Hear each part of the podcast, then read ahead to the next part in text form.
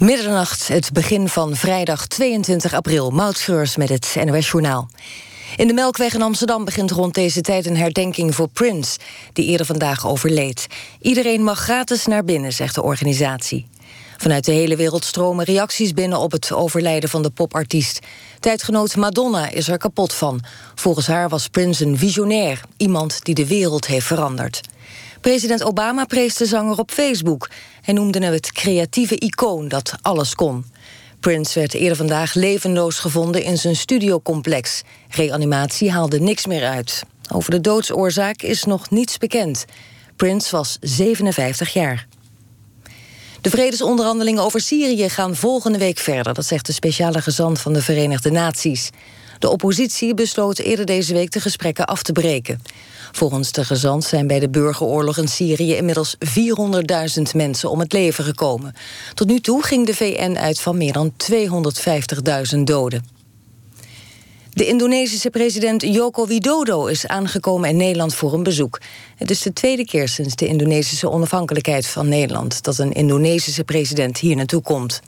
Widodo heeft morgen ontmoetingen met premier Rutte en met koning Willem-Alexander. Samen met minister Schulz bezoekt hij de Tweede Maasvlakte in Rotterdam.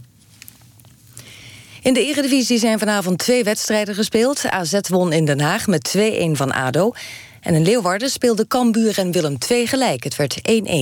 Door dit resultaat is Cambuur bijna gedegradeerd. Met nog twee wedstrijden te gaan is de achterstand op nummer 17, de Graafschap, vier punten.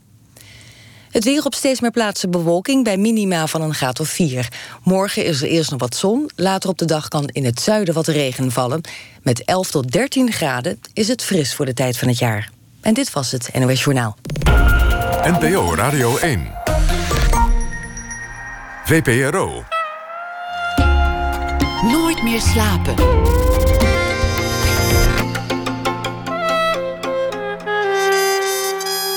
Met Pieter van der Wielen. Goedenacht en welkom bij Nooit meer slapen. Vandaag stierf in Chanhassen, Minnesota, vlakbij Minneapolis, Prince Roger Nelson, beter bekend als Prince. We zullen hem gedenken met veel muziek en ook met mensen die hem hebben meegemaakt, die hem bewonderden en anderen. In woord en in muziek denken we aan Prince. Vrouwen schrijven niet met hun tieten is een bundel over vrouwen, beeldvorming en stereotypen.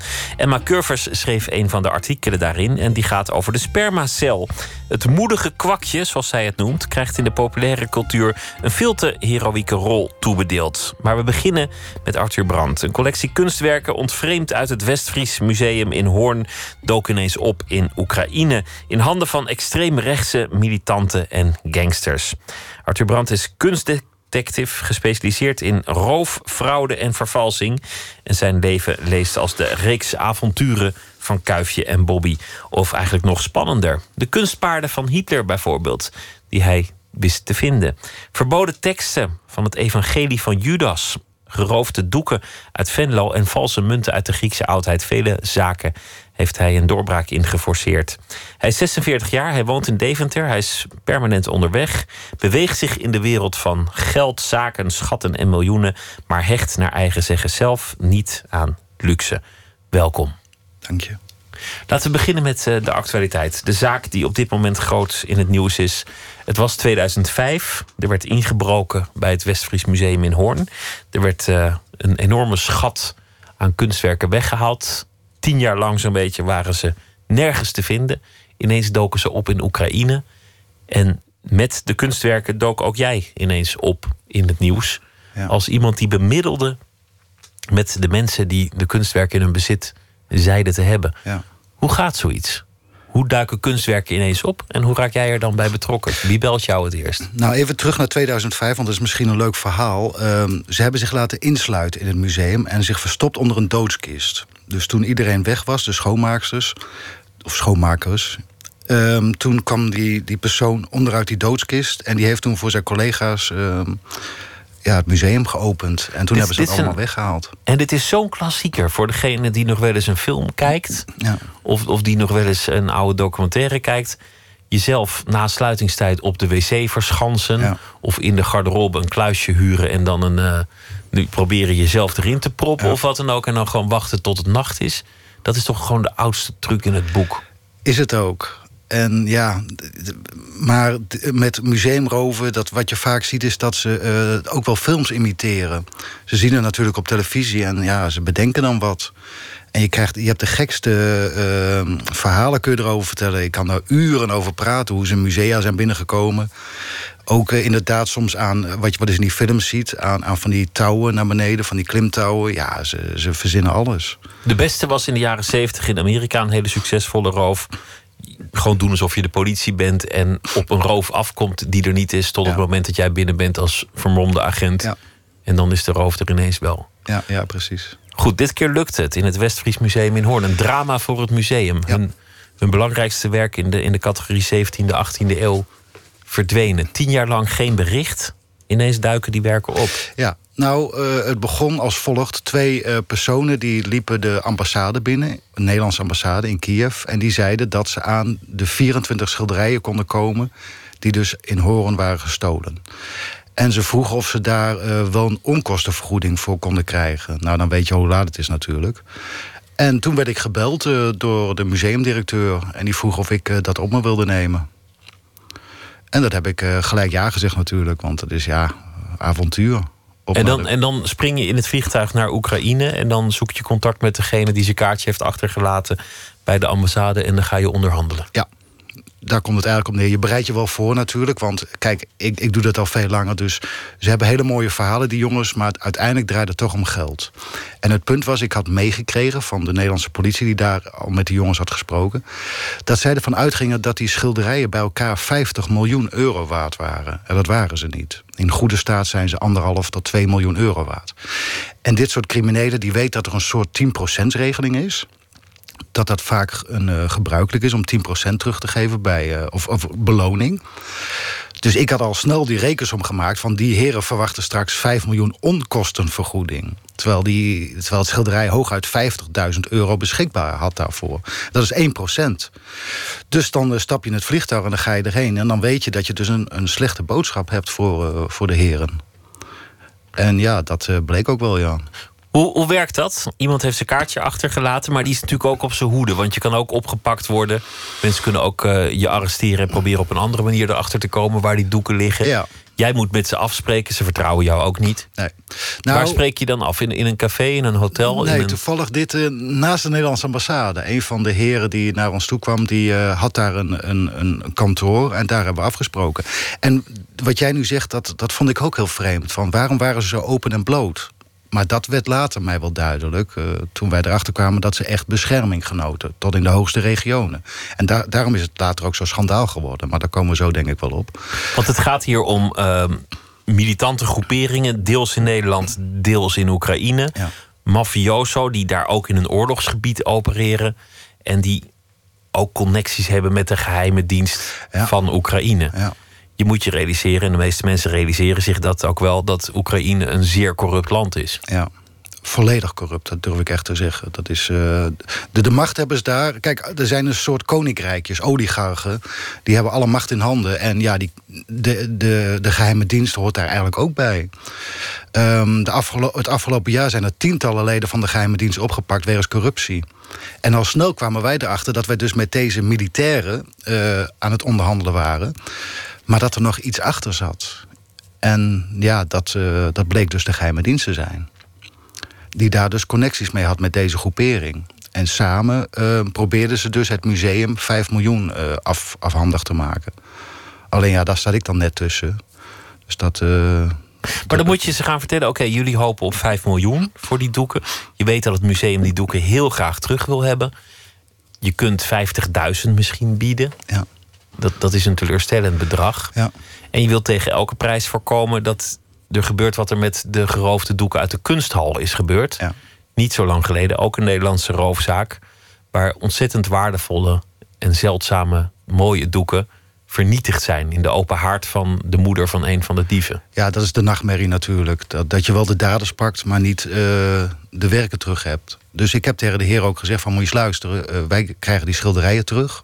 Wij betalen jullie een onkostenvergoeding en dan gaan we als vrienden uit elkaar. Maar als jullie dat niet doen, zei ik, als jullie de schilderijen niet teruggeven, dan achtervolgen jullie echt tot, tot het einde der tijden, bij wijze van spreken. En daar lachten ze een beetje om, maar eh, dat hebben we wel uh, stand gehouden. We hebben dat wel uh, gedaan, ja. Waar zijn die doeken nu?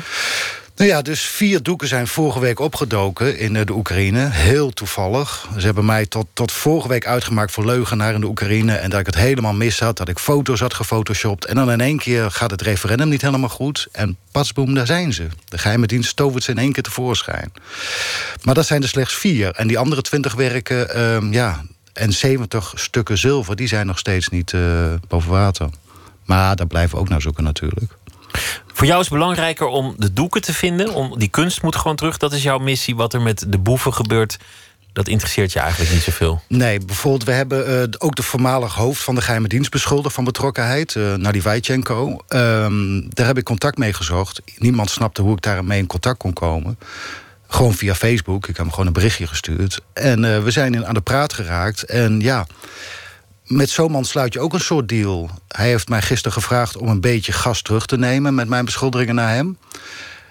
In ruil om, uh, om voor zijn hulp, om die spullen terug te vinden. Nou ja, dat doe je.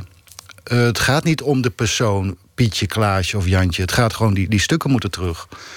En ja, of, uh, nou ja, wat je vertelde net over de kunsthal. Ehm, de heren die toen zijn gearresteerd, hebben twee of drie jaar gezeten. Ik zag laatst van een van de jongens een foto met een Maserati in Londen ja, die rijden weer rond en niemand weet hun namen nog. Maar die schilderijen, de Picasso en al die andere werken, die zien we nooit meer terug.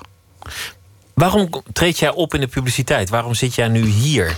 Je zou kunnen betogen dat dat niet in, in het belang is van jouw zaak en dat dat dingen moeilijker maakt. Nou, nee. Um, hoe meer je in de publiciteit bent, hoe makkelijker ze, ze je kunnen vinden. Ik zeg altijd: de hele kunst, de hele uh, criminele kunstwereld, die kent mij.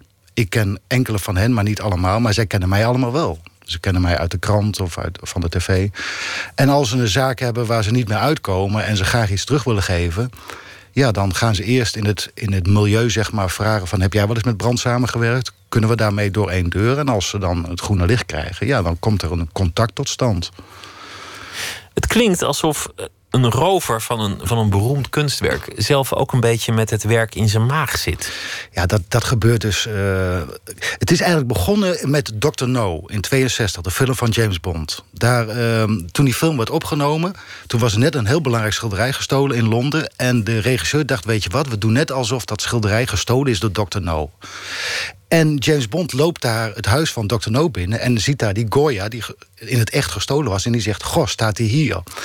En een heleboel kunstcriminelen zijn vaak criminelen... die eerst auto's uh, jatten. En dan zien ze die film en dan denken ze... verrek, we jatten een, een Picasso of een uh, Rembrandt... en dan hoeven we alleen nog maar een Dr. No te vinden... en een week later zitten we op Copacabana Beach. Maar dan worden ze s'morgens wakker kijken ze nog één keer naar dat schilderij en denken ze: jeetje jongens, we, we zijn binnen. En dan doen ze de tv aan. En dan staat dat werk dus groot in beeld. En dan zit ik er of een andere expert, die misschien nog wel zelfs over Dr. No begint. En dan leggen we uit van Dr. No bestaat niet. Deze schilderijen raak je niet kwijt. Ja, en dan raken ze in paniek. Wat ze dan uh, doen is, ze verbranden de werken. Of wat heel vaak gebeurt is, het gaat als onderpand dienen in het criminele milieu. Daar kan het dan 10, 20 jaar lang rondzwerven. En uiteindelijk gaat er iemand om het vindersloon te, te, incasseren, toch contact zoeken met de, de, legale wereld. Ja, maar het hoeft niet altijd vindersloon te zijn hoor. Want in heel veel gevallen wordt er ook niks uitbetaald. Is er helemaal geen uh, beloning. Er wordt nog wel eens een onkostenvergoeding betaald. En op zich vind ik dat ook niet, uh, niet verkeerd. Uh, wat ik al zei, vaak is het bij de vijfde of zesde eigenaar. En en ook heel vaak weten die mensen ook niet, wisten die niet wat ze in hun maag kregen. Dat klinkt misschien gek, want je verwacht, ja, je gaat googlen. Maar het is echt waar. Ik, ik maak het continu mee. En ja, dan willen ze ervan af om het nou te gaan verbranden. Sommige mensen, ik heb uh, criminelen meegemaakt die zeggen... ja, ik had een schilderij, ik heb een schilderij gekregen... en uh, ik kom erachter dat die gestolen is, maar ik kan het gewoon niet verbranden. Ik doe alles wat God verboden heeft, maar als kunst verbranden... Dat, ja, dat, dat, dat, mijn vader hield van kunst of zoiets zeggen ze dan. En dan willen ze nog wel eens uh, in contact komen, ja. Treden. Dan Zit jij tussen verschillende partijen in? De museumdirecteuren die moeten jou vertrouwen. Nou, dat, dat doen ze omdat je levert. Dat je een aantal grote zaken hebt opgelost. Dus die denken, nou ja, dan, dan bellen we toch maar die brand. Ja. De politie die moet jou vertrouwen. Want die kunnen jou natuurlijk ook gaan volgen, aftappen. Ja. Al dat soort dingen. Zal ook vast gebeuren. Absoluut, tuurlijk. Ze houden altijd een beetje de... Nou ja, trouwens, half Nederland wordt getapt. Dus de kans dat, dat jij of ik erbij zit... is natuurlijk ook wel vrij groot. Maar als ik hoofd was van de geheime dienstafdeling kunstroof... dan zou ik echt permanent jouw telefoon uh, Nou, met die, met die Oekraïnse zaak had het natuurlijk wel kunnen gebeuren. misschien is het ook wel gebeurd. Want ik zat dan wel aan de kant van het museum en van de politie. Want ik heb samengewerkt met de Nederlandse politie... om die dingen terug te krijgen. Maar ja, ze willen natuurlijk wel een overzicht houden. Het ging ook nogal om wat. Dat referendum kwam eraan natuurlijk. Dus uh, ja, ach, dat hoort er ook bij. Maar die criminelen moeten jou ook vertrouwen. Ja. En, en dat lijkt me het ingewikkeldste. Dat, dat, dat zij jou vertrouwen terwijl jij wordt betaald door het museum. Ja. Maar die moeten ergens weten van, nou, oké, hij gaat wel zorgen dat het doek terugkomt. Hij gaat ook zorgen dat ik geld krijg, maar hij gaat mij er niet bij lappen. Nee, en dat vertrouwen is heel moeilijk. Ik, dat, dit verhaal van Venlo, daar heb ik toen uh, iemand afgeleverd bij de politie, omdat hij zelf mee wilde, die persoon. En toen heb ik een getuigenverklaring afgelegd tegen hem. En uh, toen ik hem weer zag, zei hij: Ik wil je bedanken. Ik zeg waarvoor? Voor je getuigenverklaring. Ik zeg, maar wat was er, wat was er mee? Hij zei: Er is geen woord in gelogen. En ik zei: Nee, waarom zou ik liegen? Ik lieg niet voor je en niet tegen je. Hij zegt: Nou, dat maak ik nooit mee. Of de politie liegt tegen mij, of mijn, of mijn kameraden liegen tegen mij. Maar van jou, dus je kunt alleen hun vertrouwen winnen door gewoon je woord te houden. En uh, niet voor ze liegen en niet tegen ze liegen. Gewoon proberen van man tot man of van man tot vrouw desnoods... om uh, ja, samen uit een situatie te komen. Maar je zou niet iets doen waardoor iemand een soort vrije aftocht kan hebben. Van, ik, hier nou, heb je het doek, en niemand zal ooit weten dat het van jou komt. Nou, laat ik het zo zeggen. Kijk, in Nederland liepen we wat achter. In Amerika, Engeland, waar ik veel mee samenwerk met oude mensen van Scotland Yard, uh, is het heel gebruikelijk dat als de kunst een tijdje weg is, dat ze gewoon de kunst terug willen. Want als een Van Gogh weg is, wil je die Van Gogh terug. En wat maakt het uit of Pietje of Jantje het is geweest? Dus daar, wat de politie daar altijd zei van... haal de kunst terug en voor de rest maakt het niet uit. Ik heb een, uh, ooit een Zatkin teruggebracht, een beeld van Zatkin. En uh, die was gestolen in Frankrijk. In Nederland hebben we die teruggevonden. En toen belde de Franse politie mij en die zegt van... breng dat stuk zo snel mogelijk naar de Franse ambassade. We willen niet eens weten wie erachter zat. Dat ding moet terug. En dat is in het buitenland heel gebruikelijk. En in de laatste jaren zie je dat in Nederland ook langzamerhand groeien. Want wat je net vertelde, die kunsthal... ja, dat is natuurlijk een nachtmerriescenario. Dat is natuurlijk het ergst wat uiteindelijk kan gebeuren. Ja. Namelijk doeken met een waarde. Niet alleen in, in geld, maar ook in... in geschiedenis, in uniciteit, in, in schoonheid, ja. die ja, tot, tot koolmonoxide en as zijn vergaan. Ja, vreselijk. 10% van de gestolen kunst komt maar terug. Hè? Dat is ook natuurlijk een enorm laag cijfer. Dus ja, als er dan een keer gestolen kunst terugkomt, ja, dan is iedereen blij. Uh, verzamelaars, uh, museumdirecteuren, iedereen is dol en dol blij dat belangrijke stukken terugkomen.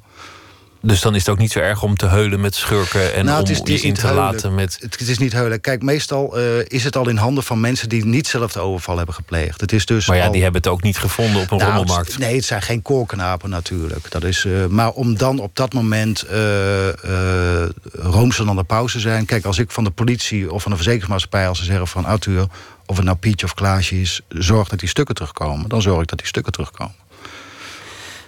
Goed, we gaan uh, zo meteen het hebben over een paar andere zaken. En ook over hoe je eigenlijk in dit uh, maffe beroep terecht bent, gekomen. Maar we gaan eerst uh, luisteren naar muziek van Prince. Want vanavond draaien we uiteraard alleen platen van Prince. Te beginnen in 1978. Prince die maakte zijn eerste LP. De titel daarvan was For You. Alle instrumenten en vocalen werden door hemzelf uitgevoerd. Onzeker als hij nog was over zijn stem, zong hij alles in falsetto. Behalve dit ene nummer met de titel Soft and Wet. Sugar,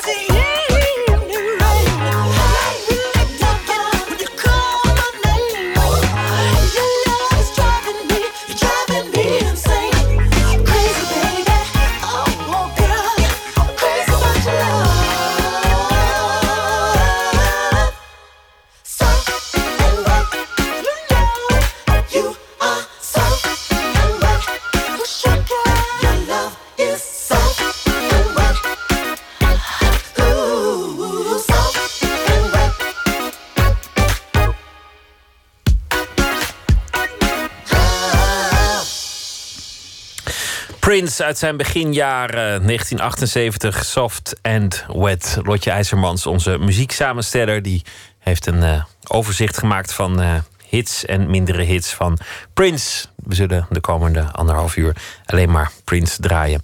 En praten natuurlijk met uh, Arthur Brandt, want hij is kunstdetective.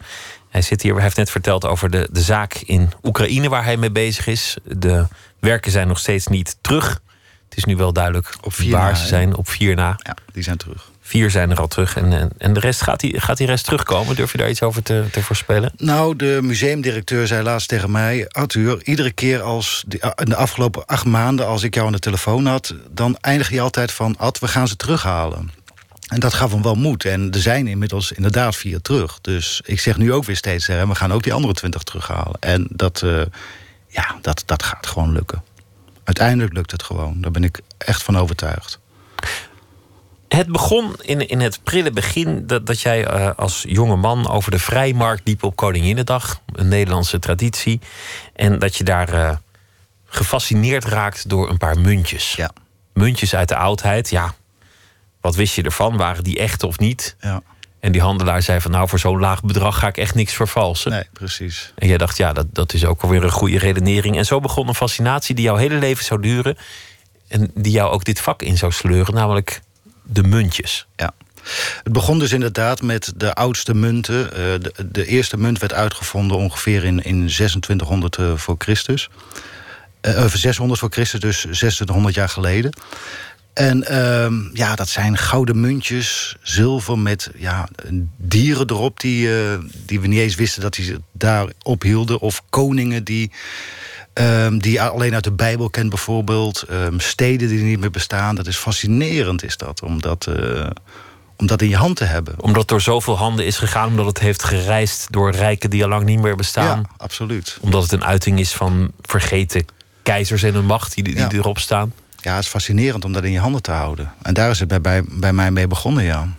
Totdat ik erachter kwam dat daar, daar ook weer vervalsingen in zitten natuurlijk. En dat niet elk muntje het muntje is dat het lijkt te zijn of waar, waarvoor iemand het verkoopt. Nee, dat kan dus. Uh, hij hoeft dus niet 2000 jaar oud te zijn. Hij kan dus ook uh, eergisteren gemaakt zijn door een vervalsen. En zo goed dat, dat als zou je hem naar het laboratorium brengen en, en koolstofdatering en weet ik veel wat doen, dat het nog best moeilijk zou zijn om erachter ja, te komen. Soms is het zelfs onmogelijk. Zeker bij munten, oude munten. Maar dat geldt in de hele. 30% van wat er in de kunstmarkt omgaat, is gewoon vals. Dat is een heel hoog getal. Dat is dus of compleet vals, of er is mee, uh, mee geknoeid. Het kan zijn uh, dat ze er een paar figuren op hebben gezet op een schilderij, of de, de signatuur vervalst hebben, of er eentje op hebben gezet. Ja, dat is een enorm, uh, een enorm aantal natuurlijk, 30 procent. En zo sloeg jouw fascinatie voor munten en, en de oudheid en, en vergaande rijken om in rijken van nu en, en Ja. vervalsingen, fraude. Ja.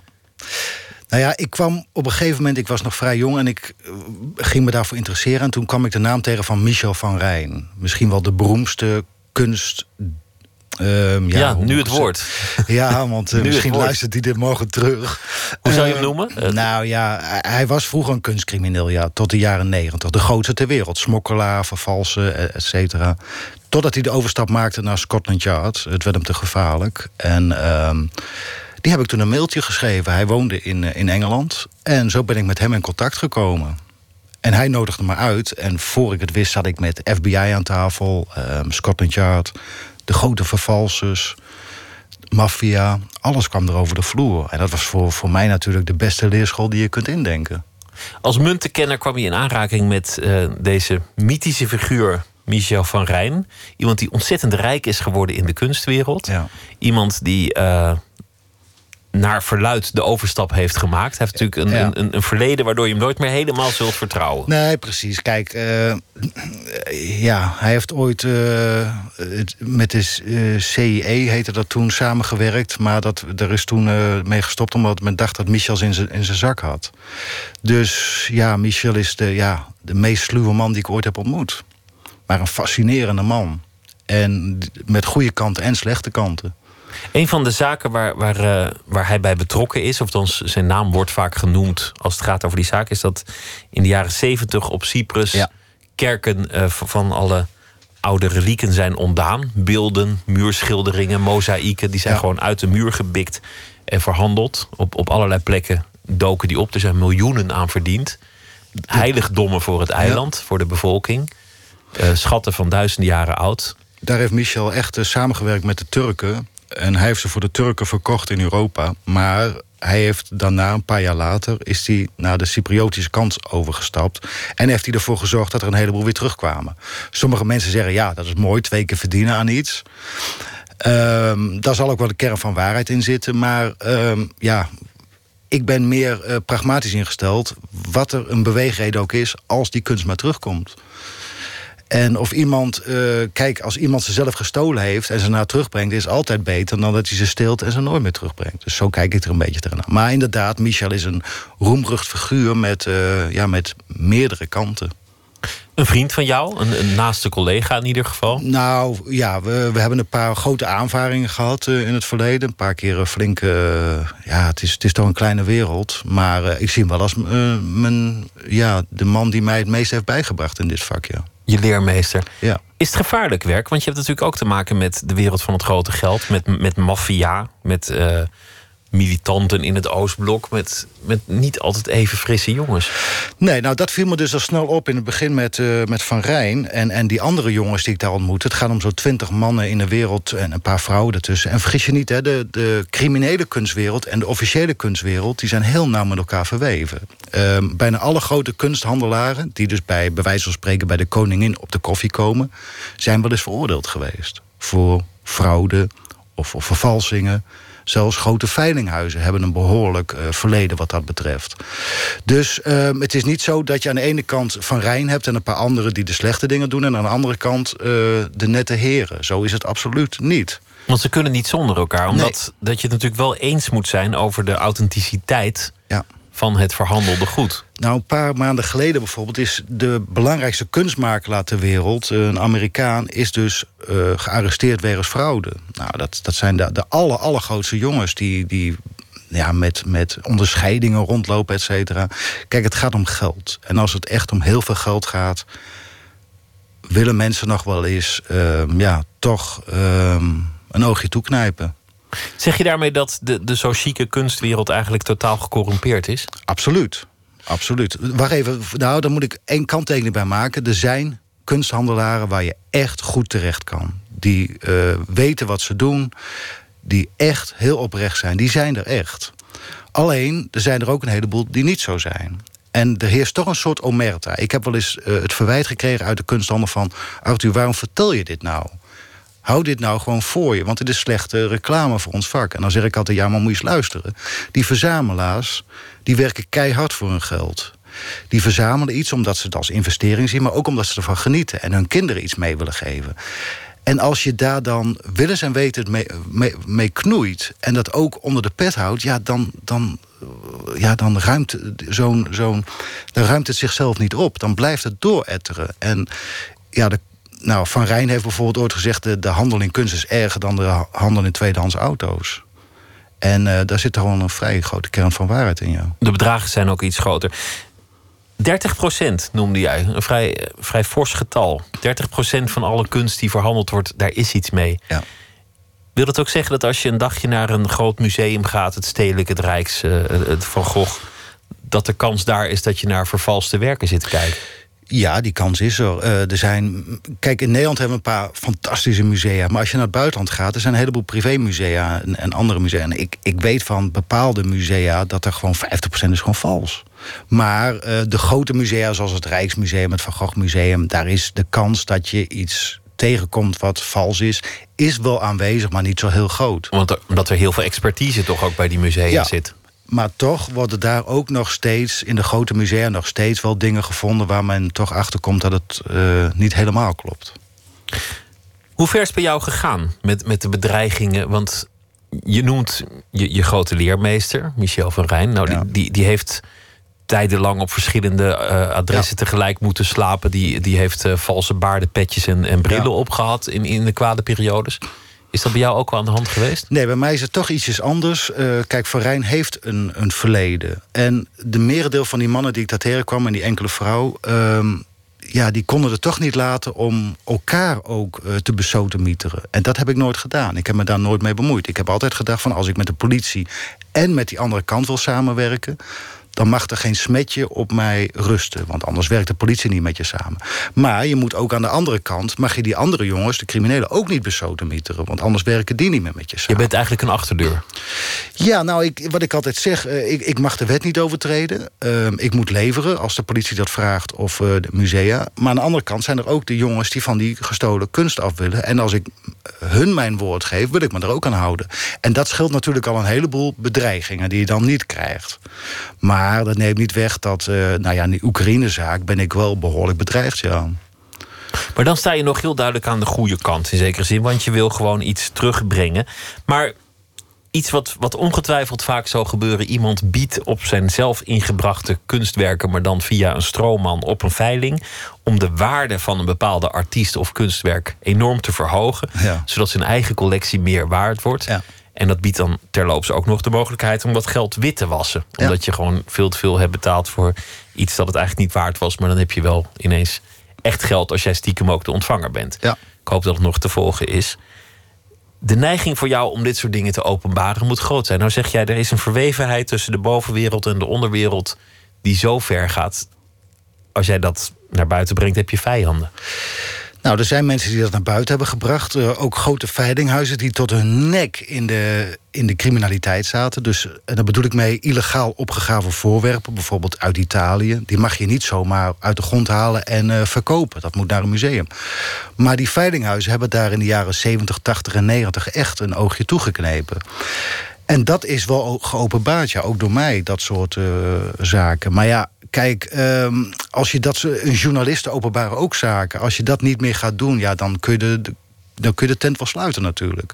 Je bent er niet om vrienden te maken. Nee, nou ja, nee, inderdaad. Maar um, gek genoeg uh, maak je toch wel veel vrienden. Ook al heb je ze af en toe een hak gezet. Want ze denken, nou ja, als ik nou maar met brand een beetje door één deur kan... dan misschien dat hij me de volgende keer geen hak zet. Dus dat merk ik wel. Wat ik je al vertelde net, die, uh, die voormalig hoofd van de SBU... die, uh, die ik had beschuldigd, mede had beschuldigd... voor die zaak in Oekraïne. Nou, daar, daar, praat ik dagelijks mee uh, op Facebook. Hij zegt dat ik... ja, hij, hij, zegt dat hij er niks mee te maken heeft. Ik zeg dat hij er wel wat mee te maken heeft. Maar ondertussen, terwijl we elkaar in de pers uh, zitten te bestoken... Zijn, gaan we gewoon vriendschappelijk met elkaar om. Chatten we gewoon vriendschappelijk. Ja, dat is, ja misschien is dat uh, vreemd voor de buitenwereld... maar uh, voor ons is dat vrij normaal. We gaan weer luisteren naar Prince. Want het is toch ook de dag na zijn overlijden. Een van zijn mooiste stukken uit 1986 en ineens heel toepasselijk over een vriend van hem die overleed en hoe onverklaarbaar dat was. Sometimes it snows in April.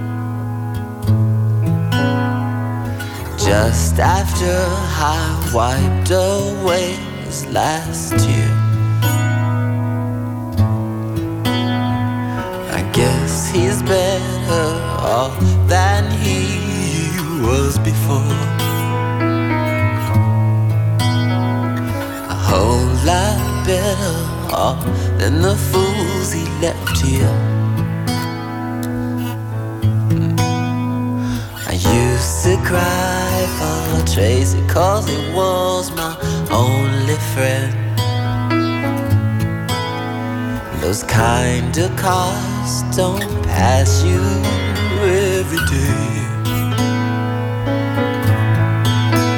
I used to cry for Tracy cause I want to see him again. But sometimes, sometimes life ain't always the way. Sometimes it snows in April. Sometimes I feel so bad, so bad. Sometimes I wish that life was never ending.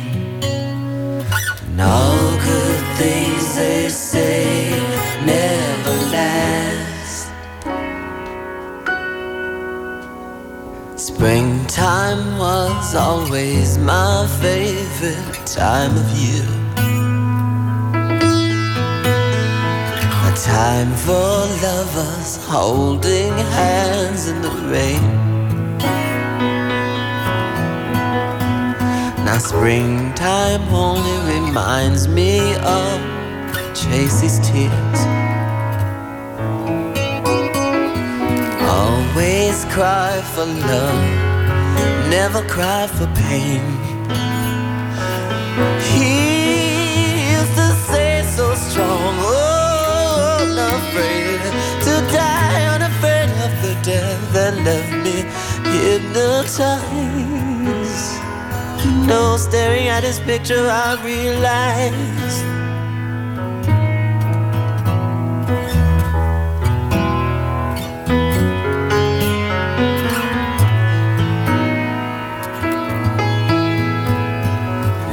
One could cry the way my Tracy cried. Sometimes it snows in April. Sometimes I feel so bad. Sometimes, sometimes I wish that life was never ending. But all good things they say never last. I often dream of heaven, and I know that Tracy's there. I know that he has found another friend.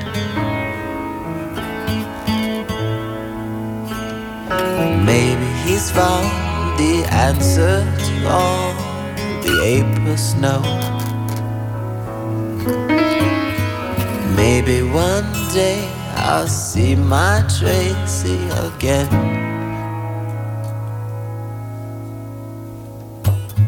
Sometimes it snows in April.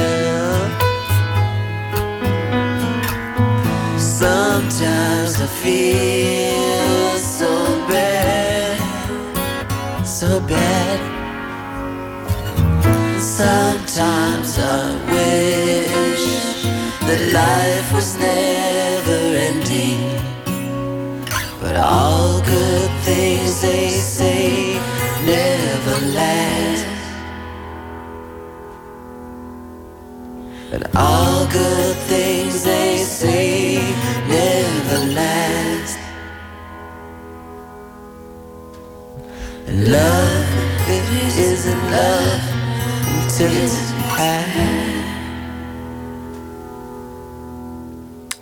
Prince uit 1986, Sometimes It Snows in April.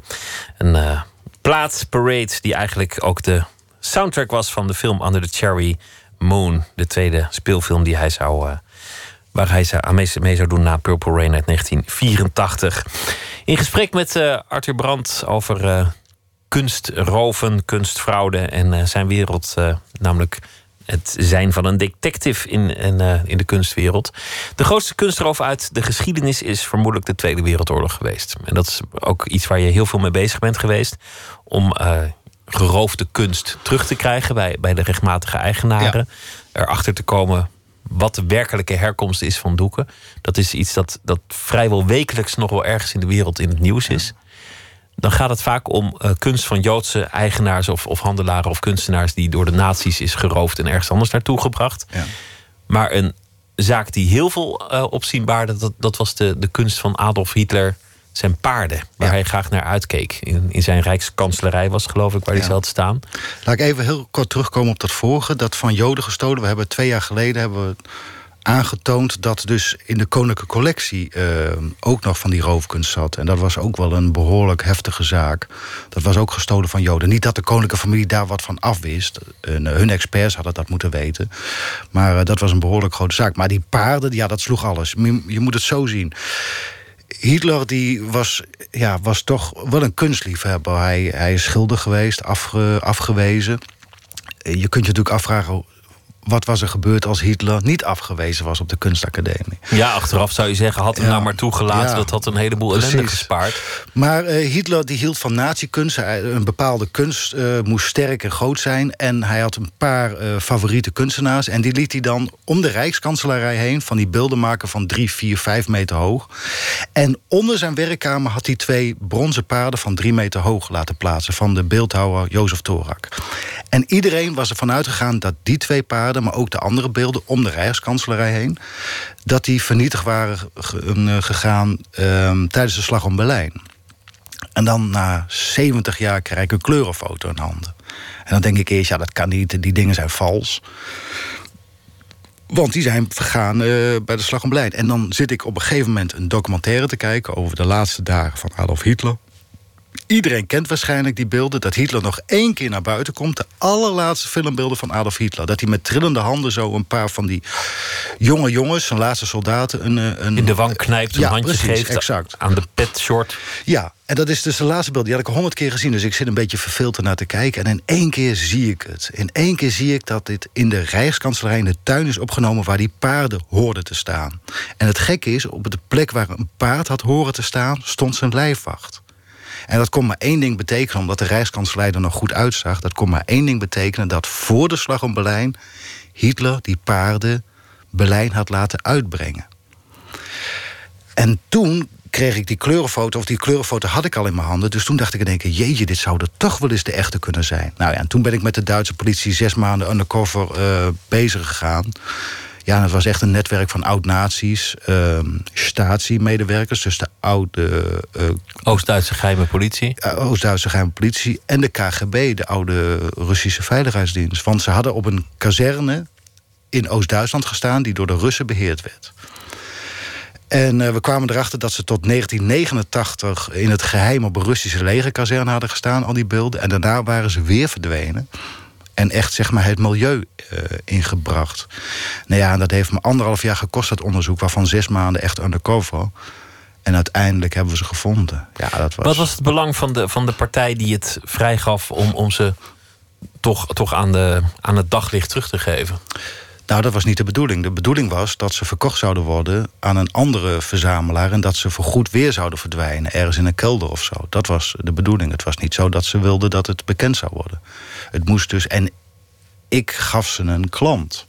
Een zekere meneer Mos uit Amerika, die natuurlijk niet bestond. Ik had hem ook, was ook zoiets. Ik zat met die man te praten en hij zei: Wie is je klant? En ik had twee weken lang had ik een klant proberen te verzinnen in mijn hoofd. Maar ik kwam gewoon niet verder dan J.R. Ewing uit, uh, uit, uit de, de soapserie Dallas. Dus ik zei: Nou, meneer Mos is een, uh, is een uh, olieboer uit Texas. En terwijl ik het zei, dacht ik: Nou, dan moet hij toch doorhebben. Maar hij slikte het.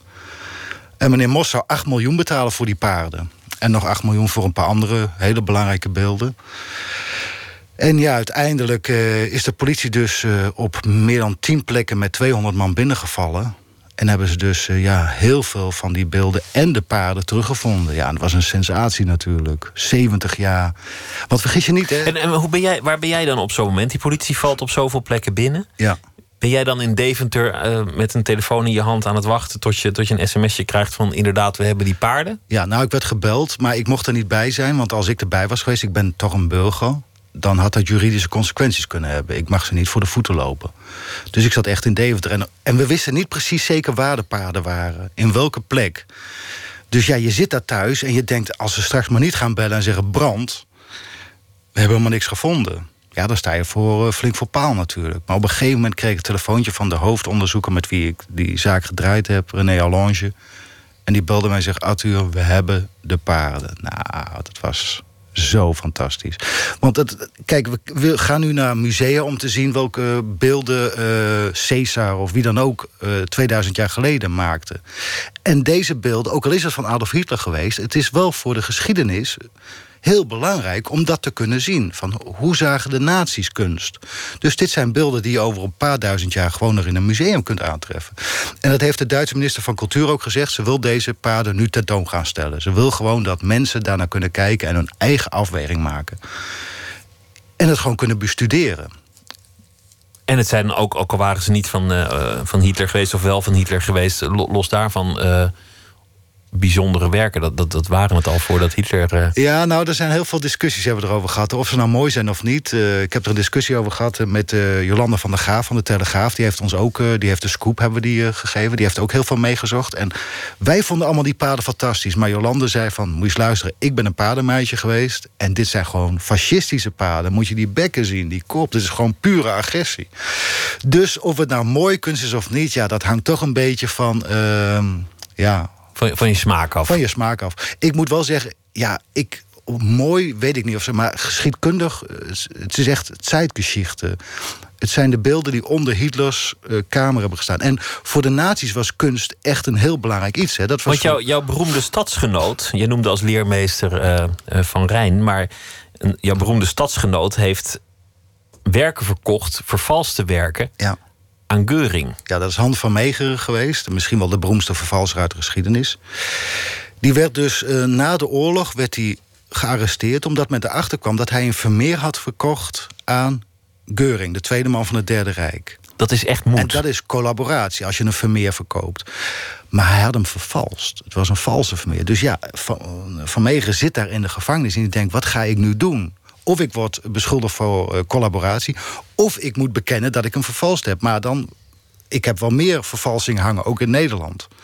En daar heeft hij voor gekozen. Niemand geloofde hem. Uiteindelijk kon hij het bewijzen door live in de rechtszaal eh, zo'n schilderij na te maken. Ja, en toen heeft hij. Het is natuurlijk wel een crimineel geweest, maar dat zie je vaker in de kunstwereld. Kunstcriminelen krijgen toch een soort heldenstatus vaak. En dat is bij Han van Meijeren ook gebeurd. Want het was toch maar die man die in oorlogstijd eh Geuring. eh, Getild heeft. en flink ook, ja. En als Geuring daar eh, eh, op het hoogtepunt van zijn macht achter was gekomen, dan had hij dat niet licht opgevat. En waarschijnlijk, nou, dan had hij alles wat het Derde Rijk aan martelmethode bij elkaar Ja. kon sprokkelen, Ja, uit de dat- kast getrokken om hem een lesje te leren. Laat dat waarschijnlijk maar weg, ja. Dat, dat had hij niet overleefd, nee.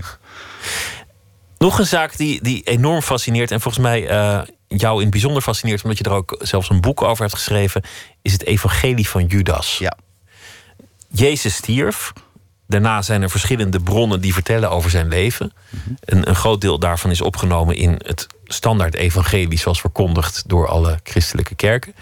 Maar er zijn ook een aantal documenten waar heel veel over eh, gespeculeerd, gefantaseerd en geschreven wordt, die het officiële verhaal niet hebben gehaald. Ja. Het evangelie van Judas is daar één van. Ja. En dat geeft een andere lezing van het christendom. Vandaar dat heel veel mensen daar ook eh, enorm veel aan ophangen. Hoe is dat op jouw pad gekomen? Nou, het gekke was, we zaten net in die Dan Brown-periode met de Da Vinci-code. Dus iedereen had het over een bijbels geschrift dat, ehm, dat verboden was door de kerk... en dat zogenaamd in één keer opdook. Dat was natuurlijk voornamelijk fictie. En ja, ik had een stuk, ik had een paar dagen daarvoor... een echt manuscript in de handen gehad... wat echt door de kerk verboden was en dat echt weer was opgedoken. Ja, en dan, ga je, dan zit je op een verjaardag en dan vertel je dat. Maar ja, dan word je uitgelachen. Want ja, toen was ik nog een beetje... Toen snapte ik dat nog allemaal niet. Dat je dat niet zomaar kunt zeggen. Tegenwoordig zeg ik pas dingen als ze in de krant hebben gestaan. Want anders geloven ze het natuurlijk niet. Maar hoe het op ons pad is gekomen... weer via een paar mensen die ik via Van Rijn had uh, leren kennen. Een van de grootste kunstmokkelaars ter wereld... Uh, Tamas in mijn boek, ik zal zijn echte naam niet noemen... die heeft het uiteindelijk in handen gekregen... Um, het, het, manuscript is nog in, in Amerika in een vriezer gedaan een tijdje. Ook zo uh, slimme actie is dat geweest. Dus ja, dat is uiteindelijk gevonden in een grot in uh, Egypte. Dus gesmokkeld naar het westen. Twintig jaar lang niet herkend geweest. En uiteindelijk kwam men erachter dat het het verloren gewaande Judas-evangelie was. Dus de woorden van Judas, of tenminste de visie zoals Judas het gezien zou hebben. Want Judas geldt, geldt nu als een verrader. Hij heeft, heeft Jezus voor een aantal zilverlingen erbij gelapt. Ja. In deze versie ligt het iets genuanceerder. Ja, kijk, je moet het zo zien. Um, als je christelijk bent, dan zul je dat begrijpen. Um, Jezus moest eigenlijk gekruisigd worden om um, het was eigenlijk voorbestemd. Maar ja, als je gekruisigd moet, moest worden om je, je, je doel hier op aarde te halen, dat je sterft voor de zonde van de mens. Dus ja, dan heb je er toch iemand voor nodig. Die jou verraadt. En dat was dus Judas in dit geval. Dus in het Judas-evangelie is het een beetje omgedraaid. Daar heeft Jezus gezegd: Ik moet uh, me uitleveren. Wil jij dat voor me doen? Want jij bent de enige die ik echt vertrouw. En met dit soort teksten gaat het er vaak om: wilde Jezus nou een religie stichten? Of wilde die een, een soort vrijdenkersgenootschap of een soort hippie-secte. En dan, dan wordt meestal of Judas of Maria Magdalena of iemand erbij gehaald. Hoe het ook zij, het zijn, zijn teksten die een onvoorstelbare antiquarische waarde hebben, maar waar ook verhalen aan vastzitten die natuurlijk fascinerend zijn, omdat het gaat over de grondslag van Absoluut. hun religie en, samenleving. En het grappige is, en dat durf ik nu wel te zeggen... want toen ik het destijds over Judas Evangelie had... toen dacht iedereen van, waar heeft hij het over? Dat kan helemaal niet. Totdat het echt wereldnieuws werd. Hè? Het was CNN. Toen, toen belde iedereen me op. Had jij dat helaas niet over op die verjaardag? Ik zeg, ja, daar had ik het over. Toen jullie zo hard zaten te lachen. Maar uh, dezelfde mensen die de Judas Evangelie in handen hadden... die vertellen mij nu dat er nog een veel belangrijker manuscript is gevonden destijds. En die is niet teruggegeven nog. Dus daar is mijn jacht nu op geopend. En wat is dat? Dat zeg ik nog niet. Maar wel iets in het, in het genre Da Vinci Code. Ja, net een beetje à la Judas Evangelie, maar dan nog een tikkeltje um, belangrijker. Het gaat jou niet om het geld. Het gaat jou niet om de glamour, niet om de luxe. Waar gaat het jou om? Nou ja, kijk, ik moet wel leven natuurlijk. Oké, okay, jou, jouw huurbaas die is ook vervelend aan het eind van ja, de maand. dat absoluut. Uh, dus ja, je moet wel geld verdienen. Maar kijk, het is natuurlijk heel makkelijk om in die wereld één verkeerde stap. Je, kunt heel makkelijk uh, de verkeerde kant op, op, op gaan. Er gaat zoveel geld in om. miljoenen vliegen je om de oren af en toe. En dan kun je wel eens geneigd zijn om te denken van... jeetje, waarom doe ik niet één keer mee? Maar als je één keer meedoet... ja, dan hoor je gewoon, dan ben je één van hen. En dan is er geen weg terug. Maar wat is jouw drijfveer uiteindelijk? Nou, mijn drijfveer is, ik ben zelf verzamelaar. En, en het gedeelte van de luisteraars dat zelf verzamelaar is... die begrijpt precies wat ik bedoel als ik zeg... die hobby mag je niet verpesten. Uh, als jij iets wil kopen... Als jij je geld investeert in een mooi voorwerp... een 2000 jaar oude Griekse vaas... dan wil je dat die echt is. Dan wil je die vaas kunnen voelen. En, en dan wil je niet dat die tien jaar geleden gemaakt is... door een een of andere Bulgaar of zo, ik noem maar wat. Dus dat is mijn drijfveer. Ik ben zelf verzamelaar. En aan de andere kant, ja, je bent bezig met kunst, geschiedenis. Uh... Zo'n document als het Judas-evangelie... dat ja, de geschiedenis net niet heeft kunnen veranderen. Ik was de tweede persoon die de vertaling daarvan onder ogen kreeg. Terwijl ik wist dat het wereldnieuws zou worden. En dan ben je de tweede die dat leest. Dus daar doe ik het voor. Uh, het is toch een beetje af en toe Indiana Jones in het echt, waar je gewoon middenin zit. Maar uh, misschien. Een vrij Marx, maar dan echt. Ja.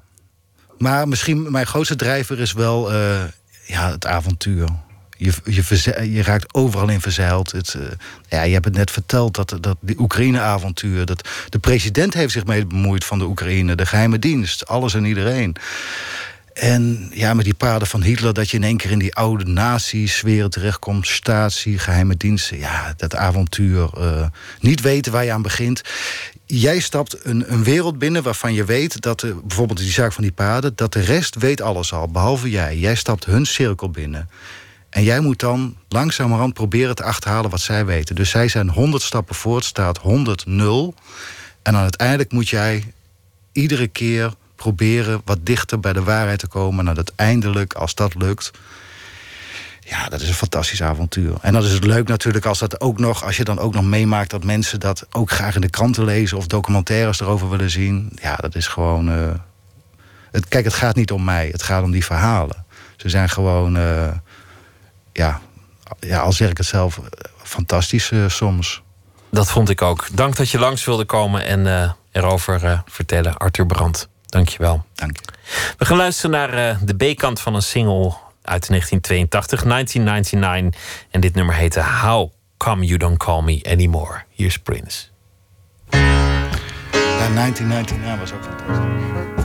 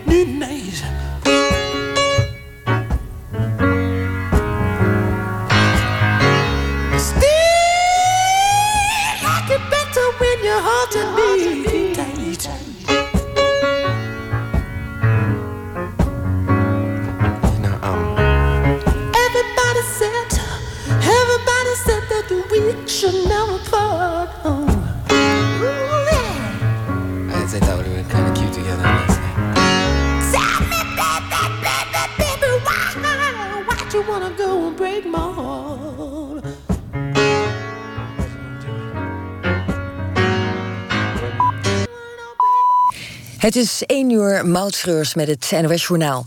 Op verschillende plaatsen in de wereld wordt Prince herdacht... die afgelopen dag overleed. Bij zijn huis in Minneapolis hebben fans bloemen neergelegd.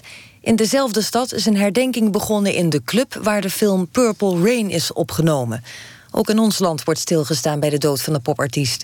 Fans kunnen vannacht terecht in de Amsterdamse Melkweg. Prince werd afgelopen dag levenloos gevonden in zijn studiocomplex. Hij was 57 jaar. Venezuela gaat vier uur per dag de stroom uitzetten. Het land kampt met een elektriciteitstekort... omdat de grootste waterkrachtcentrale van het land... door de droogte niet op volle kracht kan werken. Om die reden zijn allerlei maatregelen genomen. Zo zijn alle ambtenaren op vrijdag vrij... zijn er nationale feestdagen bijgekomen... en is de tijdzone een half uur aangepast. De ransonering van de stroom in Venezuela gaat volgende week in... en duurt 40 dagen. De vredesonderhandelingen over Syrië gaan volgende week verder. Dat zegt de speciale gezant van de Verenigde Naties. De oppositie besloot eerder deze week de gesprekken af te breken. Volgens de gezant zijn bij de burgeroorlog in Syrië inmiddels 400.000 mensen om het leven gekomen. Tot nu toe ging de VN uit van meer dan 250.000 doden. In de Eredivisie zijn afgelopen avond twee wedstrijden gespeeld. AZ won in Den Haag met 2-1 van ADO. En in Leeuwarden speelden Cambuur en Willem II gelijk. Het werd 1-1. Maar door dit resultaat is Cambuur bijna gedegradeerd. Met nog twee wedstrijden te gaan is de achterstand op nummer 17, de Graafschap, vier punten. Het weer op steeds meer plaatsen bewolking bij minima van een graad of 4. Overdag is er eerst nog wat zon, later op de dag kan in het zuiden wat regen vallen. Met 11 tot 13 graden is het fris voor de tijd van het jaar. En dit was het NOS Journaal. NPO Radio 1. VPRO. Nooit meer slapen.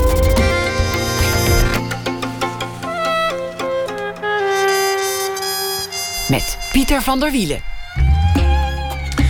Een 89-jarige man wordt doodgevonden in zijn vervuilde huis... samen met zijn twee jaar eerder overleden vrouw. Een waar gebeurd verhaal en dat is het uitgangspunt... voor aantekeningen van een hulpweigeraar van Rogier Vogelenzang. Zometeen een gesprek met de gepensioneerde huisarts...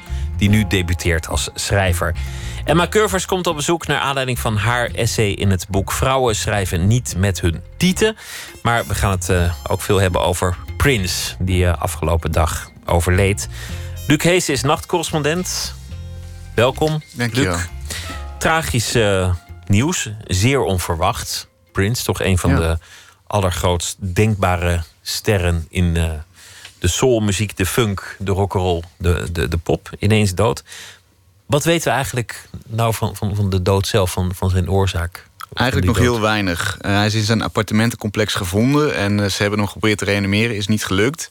Uh, op 15 april schijnt hij al een noodlanding gemaakt te hebben met zijn eigen privévliegtuigje. En de mensen om hem heen die zeiden toen, nou dat was een griepje. Het ging om een griepje en Prins zelf die trad de dag daarna alweer op. En die zei, nou wacht nog maar even een paar dagen met je schietgebedjes. Dat is natuurlijk nu wel een beetje een cruwe uitspraak, nu, nu we dit weten. Maar ja, we weten dus eigenlijk niet wat, wat, er, uh, wat er exact gebeurd is. Ik vroeg aan Wilbert Mutsaars, voormalig zenderbaas van 3FM en nu baas van Mojo... wat we op muzikaal gebied verloren hebben. Prins is, is, in allerlei opzichten echt een artiest en, een, en ja, in, zekere zin ook een geniaal muzikant.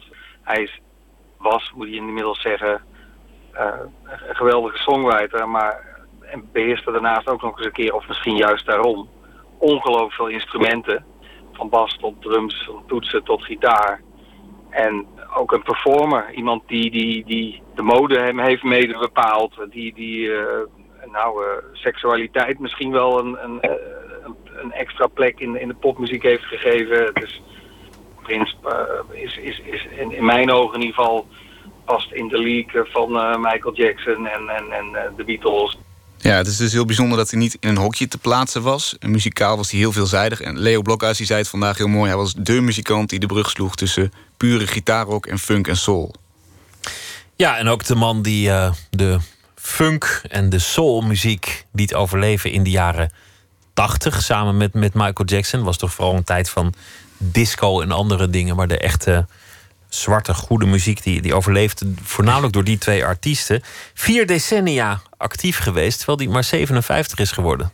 Ja. Eigenlijk in getallen onvoorstelbaar haast. Ja, een, een hele uh, lange en rijke carrière. Hij maakte zijn debuut in 78 met For You. Uh, maar zijn grote doorbraak die was in de jaren 80. Uh, albums als Controversy 1999 en natuurlijk Purple Rain uit 84.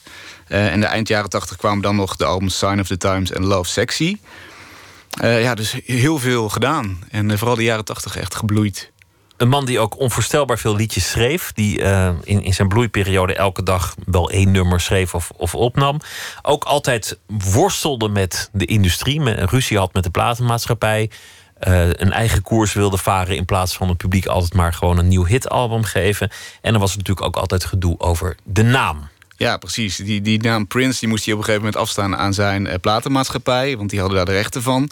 Toen werd het Artist Formerly Known as Prince, uh, TAFCAP afgekort. Uh, en zelf trad hij naar buiten met een heel mooi symbool. Een onuitspreekbaar liefdessymbool. Eigenlijk een combinatie van het symbool van mannelijkheid en vrouwelijkheid. Die we eigenlijk allemaal wel kennen. Daar maakte hij één nieuw beeld van dat bestond natuurlijk nergens in geen enkele computer. Dus Warner Bros. die moest over de hele wereld toen nog floppy disks rondsturen. Van nou, hier kun je printen wat dat symbool wordt.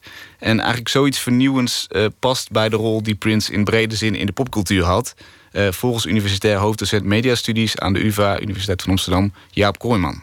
Hij is zo onconventioneel en hij breekt alle grenzen. Dus tussen zwart en wit, maar ook tussen uh, mannelijkheid en vrouwelijkheid. Hij, kon zo zeker in het begin deed hij aan, uh, nou ja, ik wil het geen eens noemen, maar hij kon gewoon vrouwenkleren dragen zonder daarbij zijn mannelijkheid te verliezen. Dus hij is heel fluïde, en ongrijpbaar. Dus dat is, dat is eigenlijk het mooie aan Prins. Dus hij heeft eigenlijk van het begin af aan, in de tijd van postmodernisme, dat alle grenzen vervagen. Nou, hij was daar een belichaming van. Een groot artiest, een, eh, een vernieuwer, een songwriter, een instrumentalist. Ik denk dat het belangrijkste is voor iedereen die het eh, ooit heeft mogen meemaken, dat je hem live te zien kreeg. Want, want zijn concerten waren onvergetelijk. Heb jij hem wel eens zien optreden? Nee, helaas nooit. Nee. Ik ook maar één keer hoor, in, in, uh, in 2007. Maar, maar die concerten, dat was eigenlijk de essentie van, van wat Prince deed.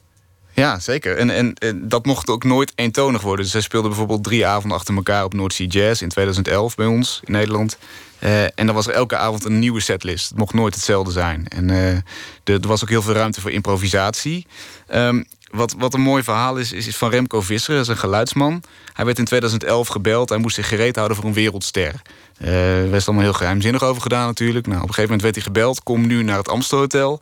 Hij op zijn fietsje daar naartoe. En hij werd neergezet in een kamer op een nachtkastje... met twee hele dure microfoons. Nou, daarna kwam Prins binnen met een andere gitarist. En uh, zij gaan uh, een halve meter verderop op bed zitten. En Prins zegt, you can start the recording now. Wat, wat blijkt, zij gaan uh, een nummer spelen van Amy Winehouse. Die was die avond overleden. En ze repeteren echt een fantastische versie van Love is a Losing Game. Nou, Remco zat dat uh, op te nemen en te denken... als dit maar niet misgaat, als ik maar alle knopjes heb ingedrukt. Um, en dezelfde avond wordt in de Melkweg dat nummer gespeeld. Hoe was Prince dan? Hoe, hoe gedraagt hij zich dan? Want, want er gaan natuurlijk heel veel verhalen over zijn persoonlijkheid... dat hij heel timide was, heel verlegen. Wat, wat vertelde Remco daarover? Nou, als hij speelde, dan was hij in ieder geval heel rustig en zelfverzekerd. Dus hij nam gewoon dat nummer door en hij, hij, praatte eigenlijk die andere gitarist door het nummer heen. Uh, en Remco zelf heeft hij niet aangekeken. Dus hij heeft zich niet voorgesteld. Uh, eigenlijk had Remco net zo goed het, het meubilair kunnen zijn. Wat dat betreft. En ja, zijn wil is wet. Uh, bij een artiest van dat formaat. Dus hij speelde dat een keer door. En, en daarna was hij weer verdwenen. En Remco bleef een beetje verbouwereerd achter. En, dat was niet het enige wat hij zich nog herinnert van die ontmoeting. Wat me is bijgebleven is dat uh, telefoon inleveren. Alles moest ik inleveren. Alles, alles, alles. En mijn uh, laptop werd direct gecheckt. En mijn harde schijf ook, die ik had meegenomen.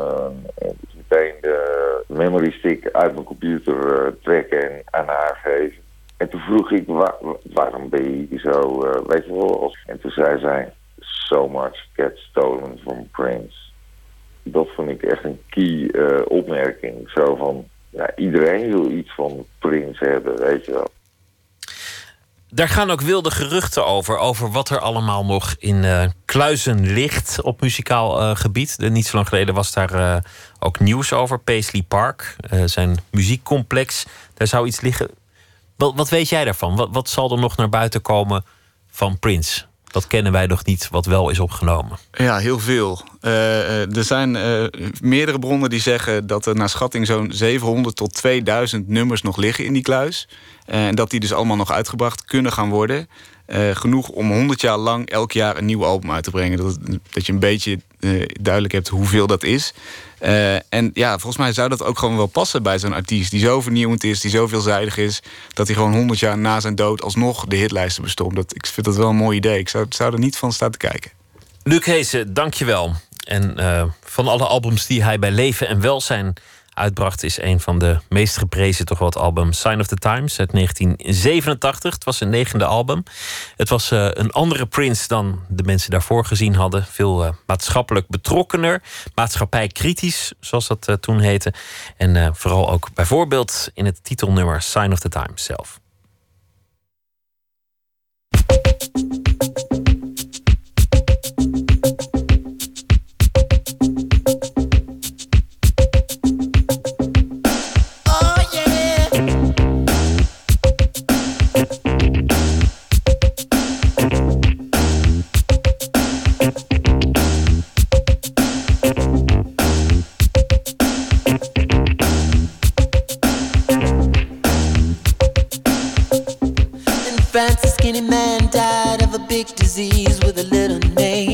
By chance, his girlfriend came across a needle, and soon she did the same. At home, there were 17 year old boys, and their idea of fun is being in a gang called the Disciples, high on crack, toting a machine gun.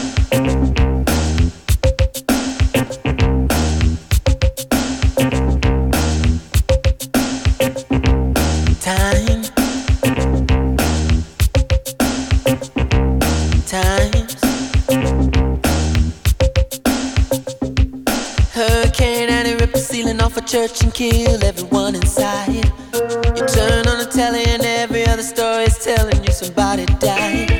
My sister killed her baby cause she couldn't afford to feed it. And was sending people to the moon. In September, my cousin tried reefer for the very first time. Now he's doing horse. It's June.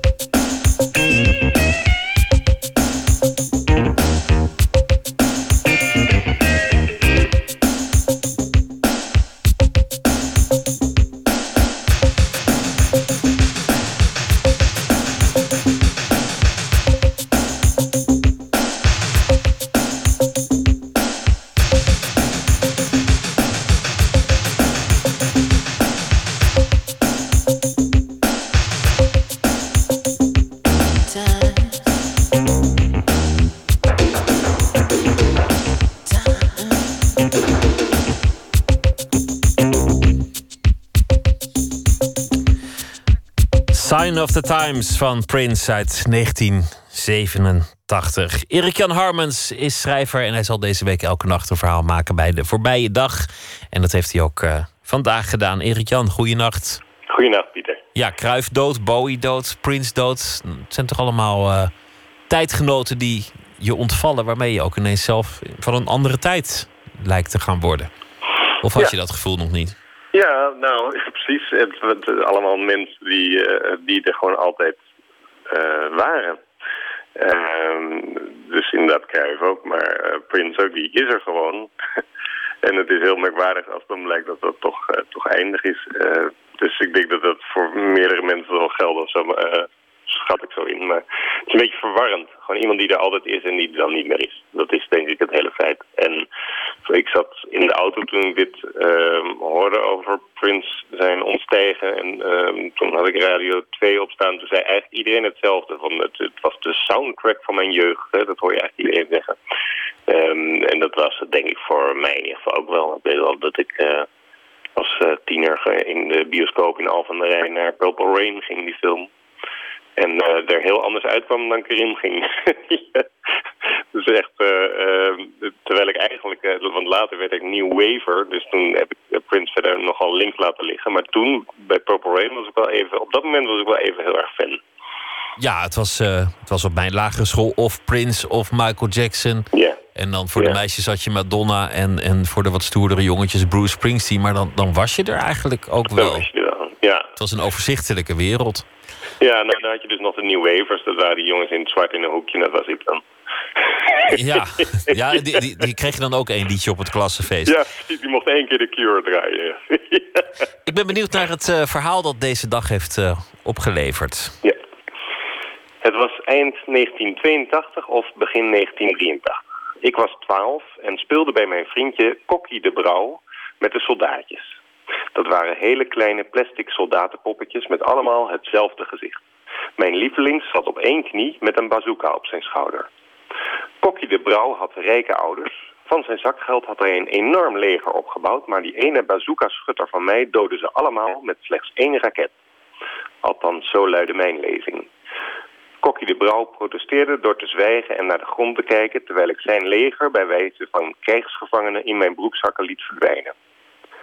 Ik ga tegen mijn moeder zeggen, riep hij uiteindelijk toch en rende weg. Op dat moment klonk op de radio 1999 van Prince. Ik vond het een beetje een raar liedje. Het is niet zeker of ik het goed vond, maar in my defense... ik was nog maar net uit mijn Bassie en Adriaan periode. Ik weet wel dat ik dacht, dat is nog ver weg, 1999. Ik zal er beelden bij bedacht hebben. Maar nooit dat ik 17 jaar later met vrouw en dochter... in een hele lelijke flat in Amsterdam-Noord zou wonen. Ook in 1982 of 1983 hoorde ik een heel spannend liedje op de radio. Nasty Girl. Er zat een parlando-stukje in waarin de liedzangeres verzuchtte... I think I need seven inches more. En wij wisten al dat dat iets met je, je weet wel te maken had. Op de maxi-singlesongs trouwens... I think I need 12 inches more. Met Prince, de schrijver van dit lied, kon je lachen. Ook bij het bedenken van de bandnaam. De welgevormde liedzangeres heette Vanity. Ze had twee dito vriendinnen bij zich. Gedrieën waren ze met z'n zessen. De naam van het trio, Vanity Six. De humor van Prince en ook altijd uh, de, de lust. Ik herinner me ook heel veel avonden dat ik ergens in een club stond... omdat iemand het gerucht had verspreid... dat de aftershow van Prince daar plaats zou vinden. Ja. En, en als tiener uh, ben je nog niet zo kritisch... dus dan, dan geloof je dat dat ook gewoon in, uh, in allerlei obscure plekken... in Delft of, of desnoods Alfa aan de Rijn kan zijn. En, en dan, dan stond je in het paard van Troje in Den Haag... en dan stond iedereen daar bij elkaar, want dan zou Prince komen... En die kwam natuurlijk nooit. Nee. Die had wel betere dingen te doen. En dan hoorde je later dat hij heel ergens anders wel had opgetreden. Maar ja. uh, hij hield het spannend, laten we het ja, zo zeggen. Nee, precies, precies, precies. Ja, ja. Nee, en dan toch maar wachten tot hij, tot, wachten tot hij niet zou komen. Dat was het eigenlijk. Ja. En hopen dat je een keer ergens bij was waar iets ertoe deed. Ja, ja. Erik Jan, dankjewel. Goeienacht. Morgen weer een uh, verhaal. En voor nu een goede nacht. Ja. 1992 uh, veranderde Prince dus van naam. Hij werd een uh, symbool voortaan. De Britse journalist introduceerde de naam. Uh, een Britse journalist introduceerde de naam Tafkap, the artist formerly known as Prince. De plaat heette dan The Love Symbol Album. En dit was het nummer Sexy Motherfucker. Oh.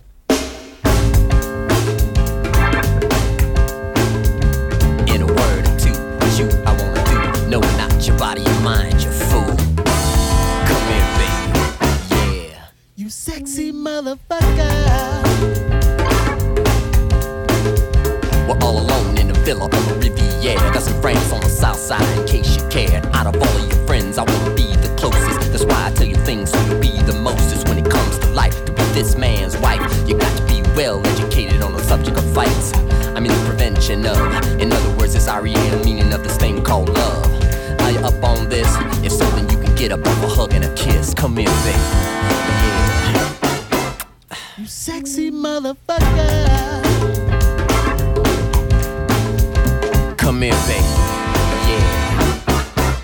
You sexy motherfucker. We need to talk about things. Tell me what you do. Tell me what you eat. I might cook for you. See, it really don't matter, cause it's all about me and you. Ain't no one else around. I'm even with the blindfold, gagged and bound. I don't mind. See, this ain't about sex, it's all about love this life and the next. While all the cosmic talk, I just want you smarter than I'll ever be when we take that walk. Come here, baby. Yeah. You sexy motherfucker.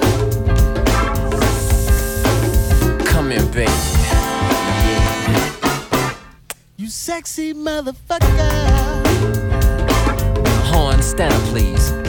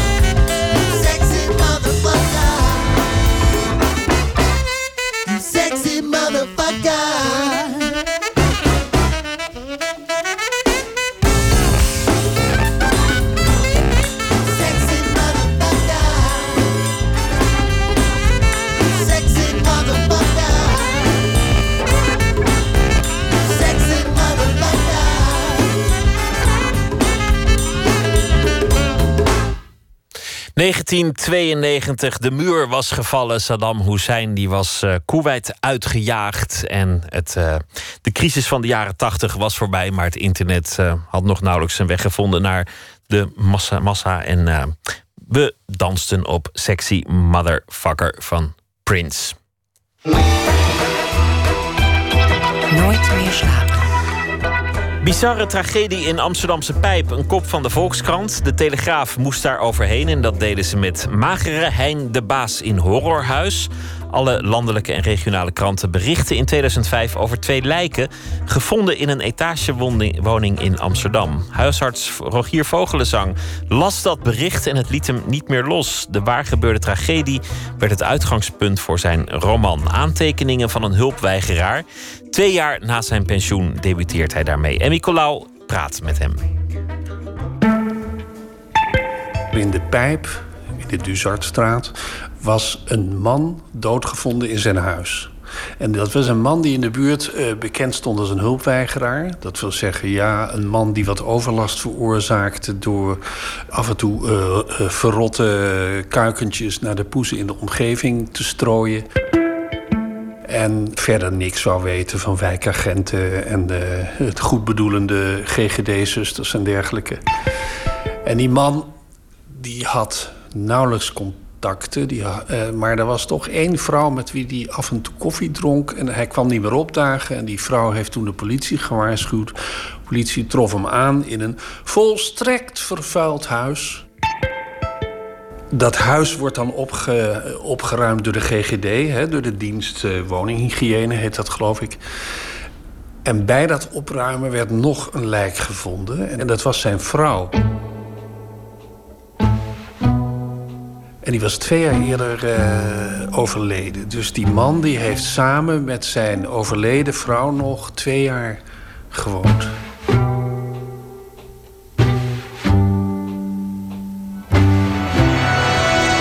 Politie in de Pijp in Amsterdam heeft onlangs in een woning het lichaam gevonden van een vrouw die mogelijk enkele jaren dood in huis heeft gelegen. De 89-jarige man is anderhalve week geleden een natuurlijk dood gestorven. Twee jaar lang hield hij hier het stoffelijk overschot van zijn vriendin verborgen. Niemand die ernaar taalde. Het lichaam was volgens de politie in een vergaande staat van ontbinding... en lag tussen anderhalve meter huisvuil, troep De politie en denkt niet dat er sprake is geweest van een misdrijf.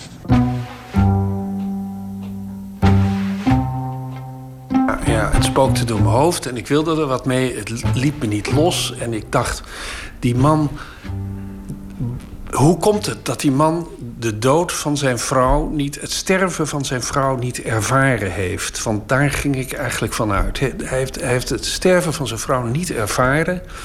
Of misschien kun je achteraf wel zeggen, die man is meegegaan in het sterven van zijn vrouw. En dat heeft geleid tot een enorme isolement ten opzichte van de gewone wereld. En, maar, maar waarom gebeurt zoiets? De tragedie in de Amsterdamse pijp speelde zich hemelsbreed, maar zo'n anderhalve kilometer van zijn huis en praktijk af. De gebeurtenissen laten huisarts Rogier Vogelenzang niet los. In 2007 begint hij met het schrijven van een roman. Ik-figuur is Albert. Ook hij voert katten eendagskuikens. Ook hij weigert elke toegestoken hand. En ook hij leeft samen met zijn dode vrouw. Twee jaar na zijn pensionering rondt Vogelenzang zijn boek af. Aantekeningen van een hulpweigeraar is zijn debuut. Relatief laat, maar schrijven was voor hem altijd al wel belangrijk. Ach ja, beter laat dan nooit, hè. Maar ehm, eh, ja, ik heb er altijd wel affiniteit mee gehad, hè. Ik, eh, de, het begon natuurlijk, eh, zoals bij bijna iedereen... met gedichten schrijven in mijn puberteit. En ik heb altijd wel voor mezelf dingetjes geschreven. En had u toen al het idee van ik wil ooit wel gelezen worden... of was dat echt puur voor uzelf? Ja, ik weet niet. Ik wil ooit gelezen. Het was puur voor mijzelf. Ik heb in 1983 wel eens een verhaaltje gepubliceerd in een verhalenbundel. Maar ja, ik, ik moet eerlijk zeggen, ik heb nooit, nooit een, een, een, een bijzondere drang gehad om, om, om echt gelezen te worden. Veel meer toch om te schrijven. En ik vond dat hele schrijfproces van, wat, van dit boek eigenlijk ook het allerleukste van, eh, van, van wat er allemaal zich verder eh, eh, omheen eh, gaat afspelen. Het is allemaal heel spannend natuurlijk, heb ik allemaal nooit meegemaakt. Maar dat proces van dat schrijven, dat neemt niemand mij meer af. Nee. En dat ging tussen zes en acht ochtends. Ja, ja, ik heb eigenlijk eh, de, de, de, de kern heb ik uh, geschreven tussen zes en stond ik dus vroeg op. En dan, uh, nou ja, even voor zessen begon ik. En even voor achter hield ik op. En dan ging ik naar mijn praktijk om een spreekuur te houden. En eigenlijk was mijn dag dan al, kon dan al niet meer stuk. Ik had enkele weken geleden een verkeerde partij bij hem gehaald. Daar hadden er veel bij gezeten die al lang dood waren en begonnen te rotten, want de katten hadden krom gelegen van het braken. Ik ben verhaal bij hem gaan halen, maar hij reageerde beledigd. En ik heb er ook een vijandschap met de buurman aan overgehouden, omdat de katten het platje hadden bevuild waarop hij altijd ligt te zonnen met zijn geblondeerde vriendin. Het was een uitzonderlijk warme zomerdag, maar Hanny lag in bed te rillen onder de dekens. Zal ik thee zetten? vroeg ik en ik zette water op. Ze gaf geen antwoord, maar richtte zich kreunend op en moest overgeven. Je bent niet lekker, zei ik. Ik haalde de lakens af, stopte ze in de tijl om te weken en legde wat oude kranten op de matras om de rest van het braakvocht op te nemen. Ik sloeg de paardendeken eroverheen, zodat Haddy tenminste weer kon liggen, en ging naar zolder om de katten te voeren. Het is geen gemakkelijke hoofdpersoon. Onbegrijpelijk vanaf een afstandje. Ja. Dus hoe identificeer je je dan met deze Albert? Ja, ja nou ja, kijk, wat, wat daarbij wel denk ik een belangrijke rol speelt, is uh, dat ik, uh, de, wat ik ook aan het echte fenomeen zo aantrekkelijk vond, is dat zo'n man zo enorm best zijn autonomie, deed zijn autonomie te bewaren. En dat hij niet meeging in de enorme bemoeizorg bemoeizucht die je toch ook, laten we zeggen, de bijwerkingen van de tegenwoordige op, een, op, op, op essentiële punten zeer goede, maar toch erg bemoeizuchtige zorg uh, uh, uh, ziet.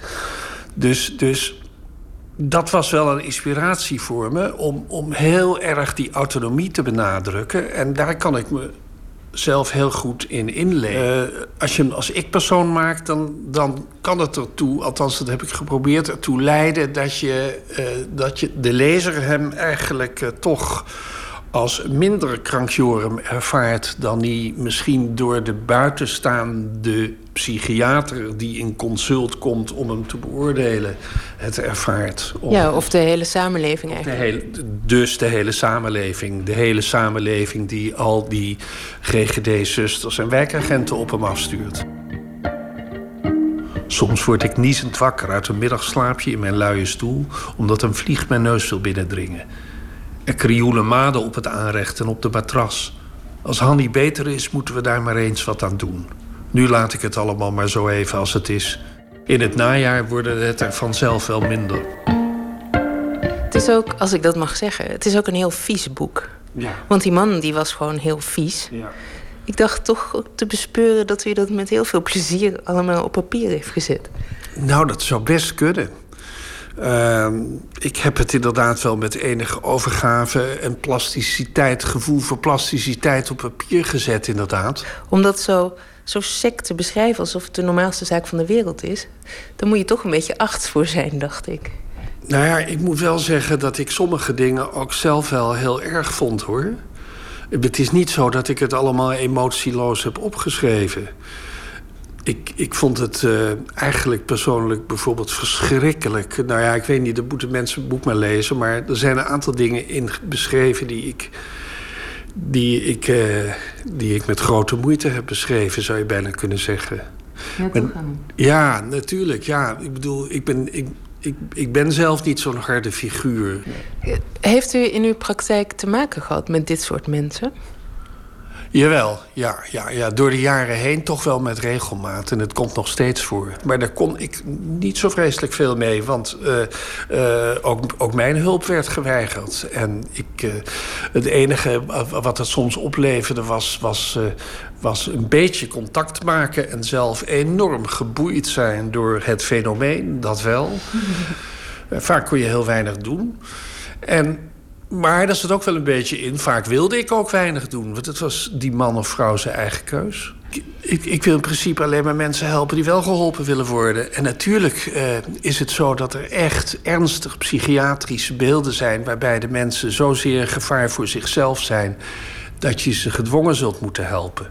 Maar uh, waar die grens ligt, dat is natuurlijk een enorm schemergebied. Leg me dan toch eens uit waarom je mij een probleemgeval vindt.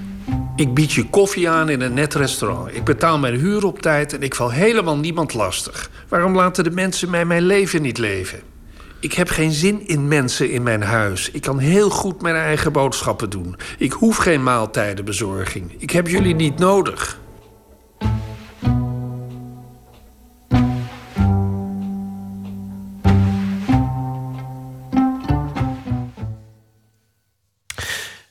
U hoorde een uh, bijdrage van Emmy Colau in gesprek met Rogier Vogelenzang. Hij schreef het boek Aantekeningen van een hulpweigeraar.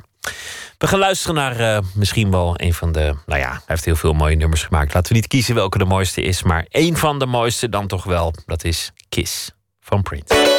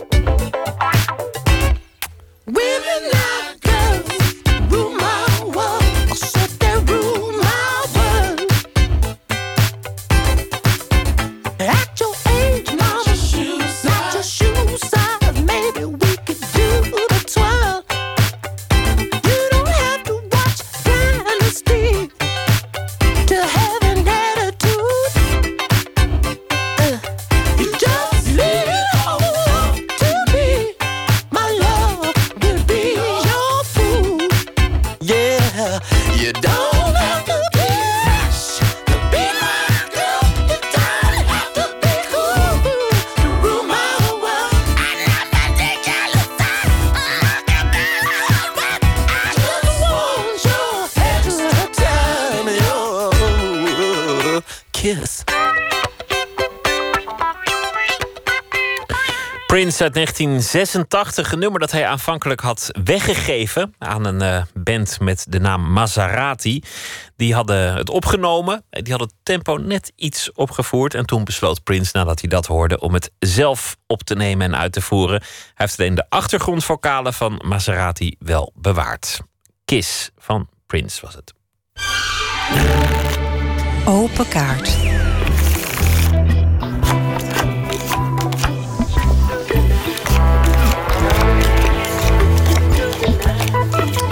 Een grote bak met kaarten, 150 stuk zijn het. En op elke kaart staat de vraag. En de gast zelf bepaalt het gesprek door kaarten te trekken. De willekeur regeert. En zo komen we tot een uh, gesprek.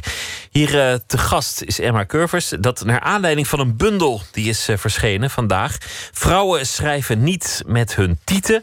Een nieuwe generatie schrijvers over alledaags seksisme, onnodige ongelijkheid en eicellen met klauwtjes. Samengesteld door Wiegertje Postma. Het gaat over feminisme. Erma Curvers die schreef uh, één verhaal in deze bundel. Het dappere kwakje en de wanhopende wagon. En dat gaat over uh, de conceptie, over uh, het verwekkingsproces. Geboren in 1985, romanschrijver, journalist, columnist, hoofdredacteur van filmplatform Cinefiel. In 2014 verscheen haar eerste roman Iedereen kan schilderen. En dat uh, werd ook meteen landelijk nieuws, want een van haar ouders probeerde de publicatie tegen te gaan middels een kort geding. Emma Curvers, hartelijk welkom. Dankjewel.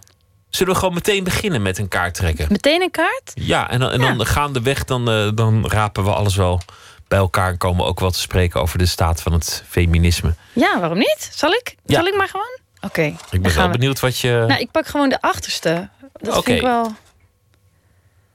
Wanneer wist je dat je dit werk wilde doen? Ja. Ik, ik, weet nog steeds niet echt of ik dit werk wil doen. Je bent er nog niet over uit. nou, ik doe van alle. Ik schrijf. En ik ben heel blij dat ik kan schrijven um, voor mijn werk. Maar ik wil ook nog wel schilder worden. En, en kunsthistoricus. Het is uh, grappig dat je dat zegt. Want ik, ik heb die bundel gelezen met, met allemaal uh, jonge schrijfsters van uh, na 1980. Ja. En bij allemaal staat een, een kort curriculum vitae tot nu toe. Ja.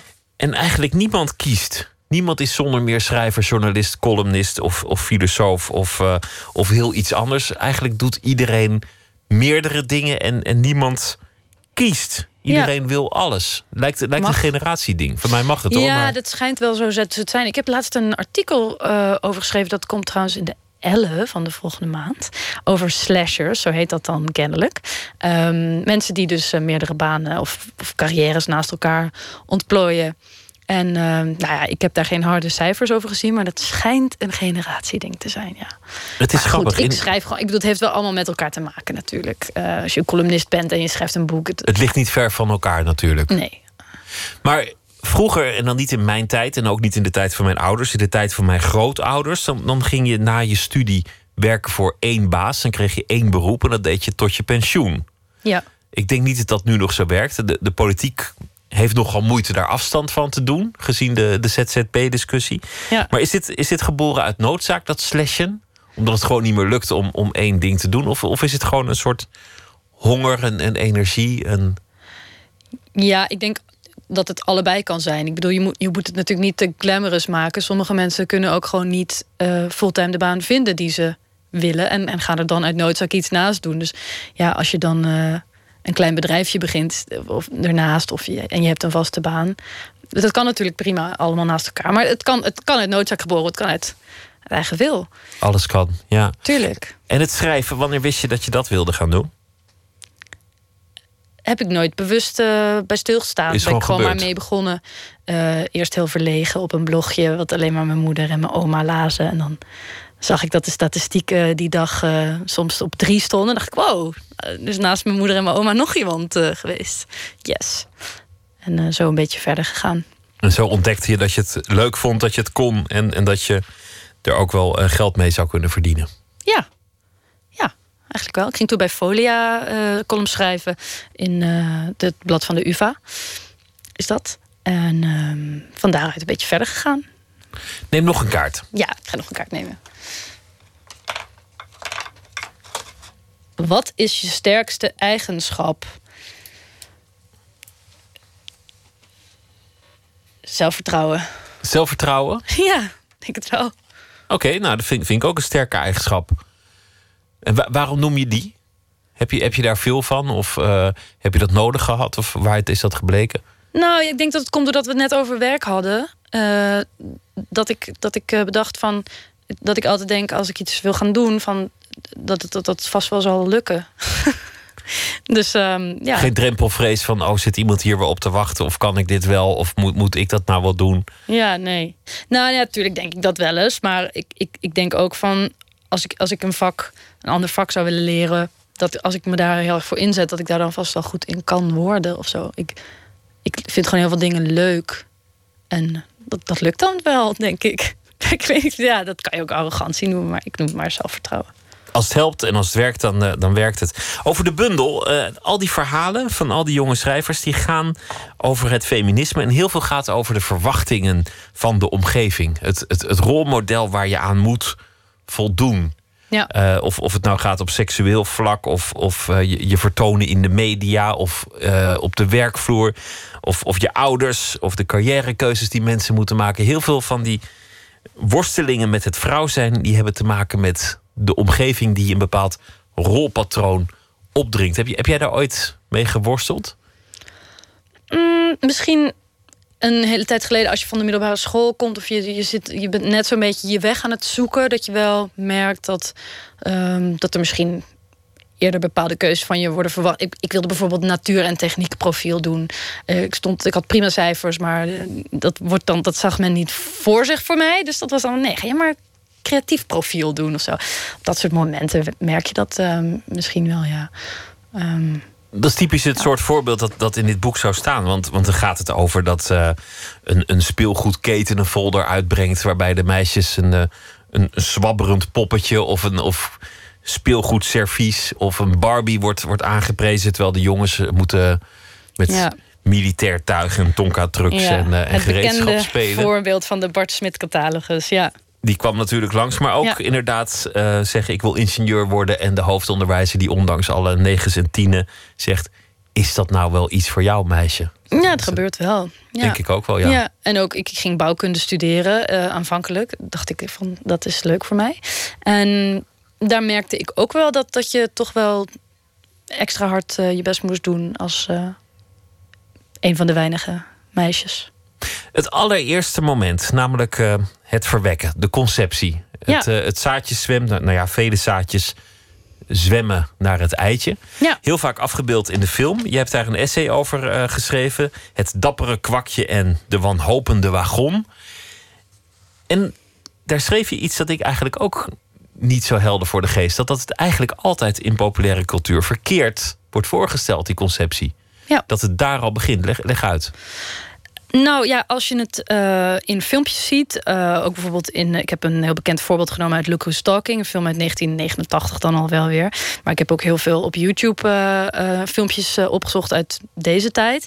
En als je dat in filmpjes ziet, dan zie je altijd een ehm, hele dappere spermacel die woest zwemmend op zijn doel afgaat. Wordt als een, met, met heroïsche muziek wordt dat dan aangezet. En komische voice-overs van... kom op jongens, doorzwemmen, we zijn Ja, er bijna. Precies, we zijn er bijna, daar is het. En hij moet zich dan, eh, dat, dat eh, spermacelletje moet dan door, door een vijandelijk gebied eh, eigenlijk heen gaan, namelijk de, de vagina.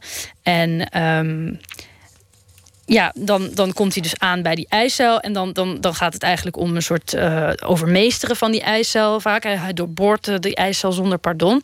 Nou ja, dat beeld dat, dat, dat klopt gewoon niet helemaal. En, en je ziet ook in die filmpjes altijd, die spermacel heeft altijd een, een gezichtje. En die, die beleeft van alles. En die eicel, dat is gewoon zo'n suffe gele bal die een beetje daar ergens rondzweeft. Ehm, nou, dat is gewoon eh, een beetje raar. En nou ja, al het vrouwelijke deel, het ei, is passief. Ja. En het mannelijke deel agressief en neemt het initiatief. Ja. De, de mannen zwemmen op het eitje af. En dat, dat klopt niet met de werkelijkheid. Nee, dat klopt niet. Maar ik ben niet de eerste die dat natuurlijk eh, heeft bedacht. Want al dat is een in, beroep, eh, daar, daar maken mensen hun vak van. Ja, klopt. Eh, onderzoekers en artsen, maar ook antropologe Emily Martin. Die schreef in 1991 al een, een essay, die Egg and the Sperm. Waarin zij eigenlijk constateerde van ja, men weet al heel lang dat het eigenlijk zo niet zit. Maar ze hebben toch die, die sociale structuur overgedragen op het beeld dat wij hebben van spermacel en eicel. En daar zitten heel veel stereotypische weergaven in. Dus, de, dus er wordt altijd gezegd dat bijvoorbeeld sperma wordt geproduceerd terwijl een eicelletje wordt afgescheiden. Dat soort tegenstellingen gaf zij allemaal al aan.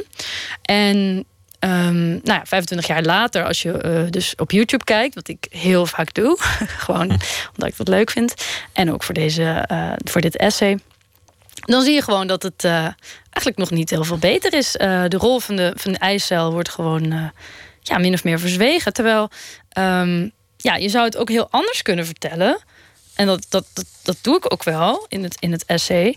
Want die eicel, die, die die verhecht die spermacel eigenlijk aan, haar, aan de oppervlakte. En dan komt er een, een, een reactie um, door het membraan van de spermacel en de eicel. En dan komt zijn hoofdje vast te zitten.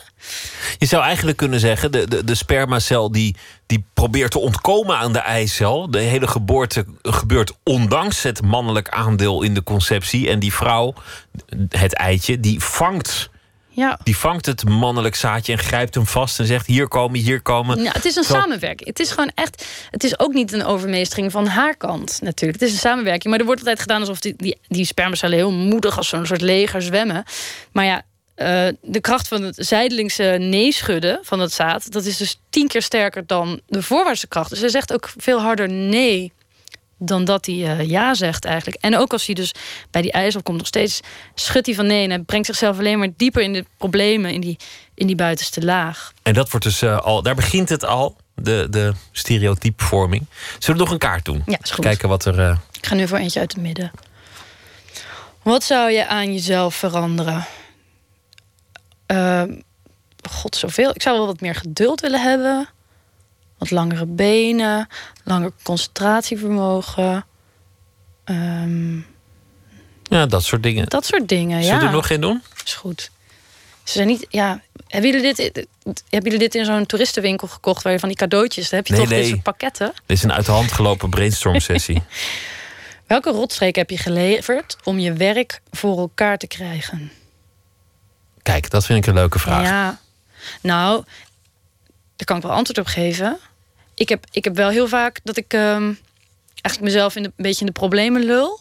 Dat ik denk dat ik zeg van ja, ik ga dat wel maken. Uh, maar dan heb ik het eigenlijk nog helemaal niet af. En dan heb ik daar al, al van alles over gezegd. En dan verplicht ik mezelf daardoor, min of meer. Dat had ik ook wel met, deze, met dit essay trouwens. En, um, of een contract afsluiten met een uitgever voor, voor een boek, boek dat ja. er nog lang niet ja, is. Bijvoorbeeld, ja. Nee. En zo jezelf voor het blok zetten. Dat lijkt, doe ik, lijkt me dat- heel gezond. Ja, dat, ja, is dat een rotstreek? Ik weet niet. Het bestaat gewoon nog niet, zo'n boek. Maar ja, dan moet je wel. En ehm, ja, daar gaat het bij jou altijd over, omdat het in de tijd nieuws was. Jouw eerste roman, dan, dan is het al eng. Iedereen vindt het eng om zijn eerste roman te publiceren. Ja. En dan, dan komt er meteen ruzie met je familie. En dat wordt dan het nieuws rond je roman. En dat komt zelfs tot een rechtszaak.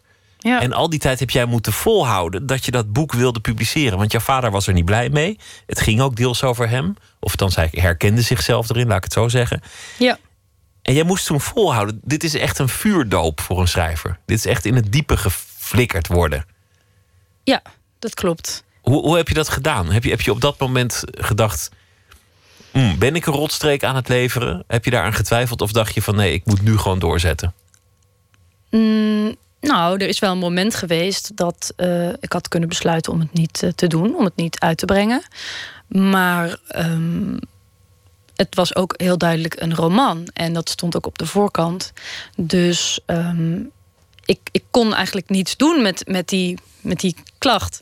Eh, als je je daardoor laat, laat afbrengen van je plannen, dan, ja, dan, dan is het einde natuurlijk zoek. Dus eh, ja, we- Je kon ook niet meer terug natuurlijk. Nee. nee, je hebt het al geschreven. En, En je had ook niet terug moeten gaan. Nee, nee, dat denk ik zeker niet. Hoewel het, het was alles behalve leuk wat daarna eh, volgde. Maar ja, we hebben, wel, we hebben wel op dat punt gestaan dat ik met de uitgever zo zat van ja, eh, oké, nou, dit, dit gaat dan gebeuren. Eh, zullen we het toch maar doen? Ja, laten we het toch maar doen. En je hebt het uh, gedaan en het uh, de boek is ook goed ontvangen. Iedereen kan schilderen. En dit is uh, het essay Het dappere kwakje en de wanhopende wagon. Een van de vele stukken in een bundel met de prozaïsche titel Vrouwen schrijven niet met hun tieten. Het is ook al door sommigen het tietenboek genoemd. Samengesteld door Wiegertje Postma. Emma Curvers, dankjewel. Jij ook bedankt. Tjitske Jans is dichteres en zal deze week elke nacht afsluiten met een gedicht dat zij uitkiest en voordraagt. En dit keer heeft ze gekozen voor een eigen gedicht.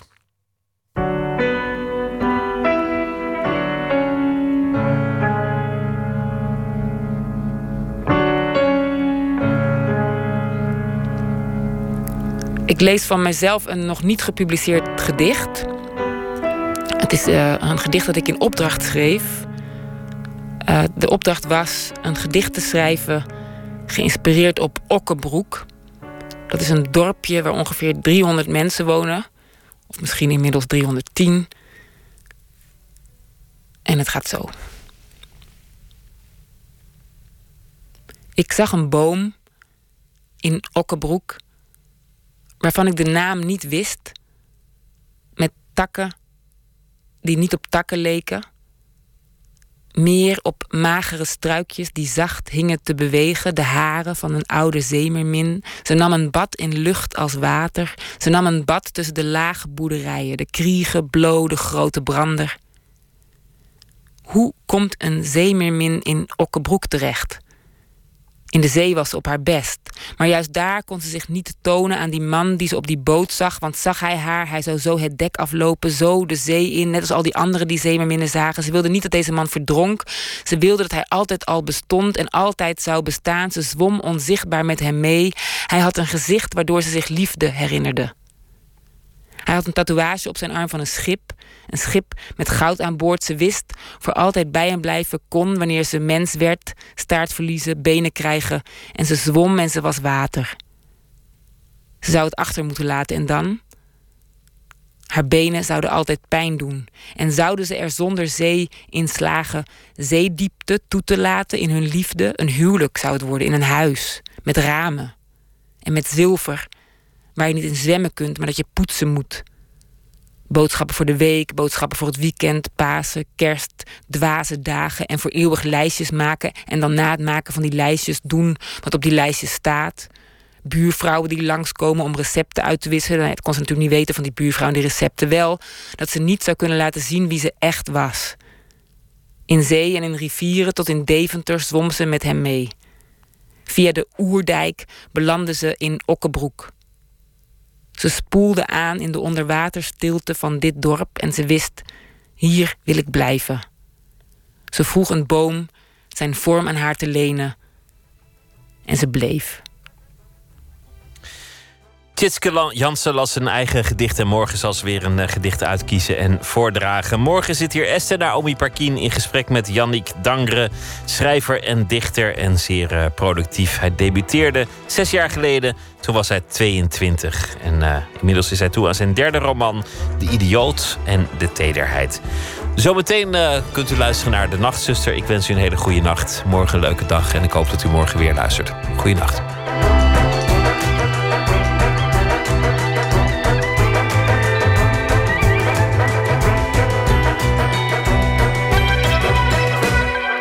Radio 1, het nieuws van alle kanten.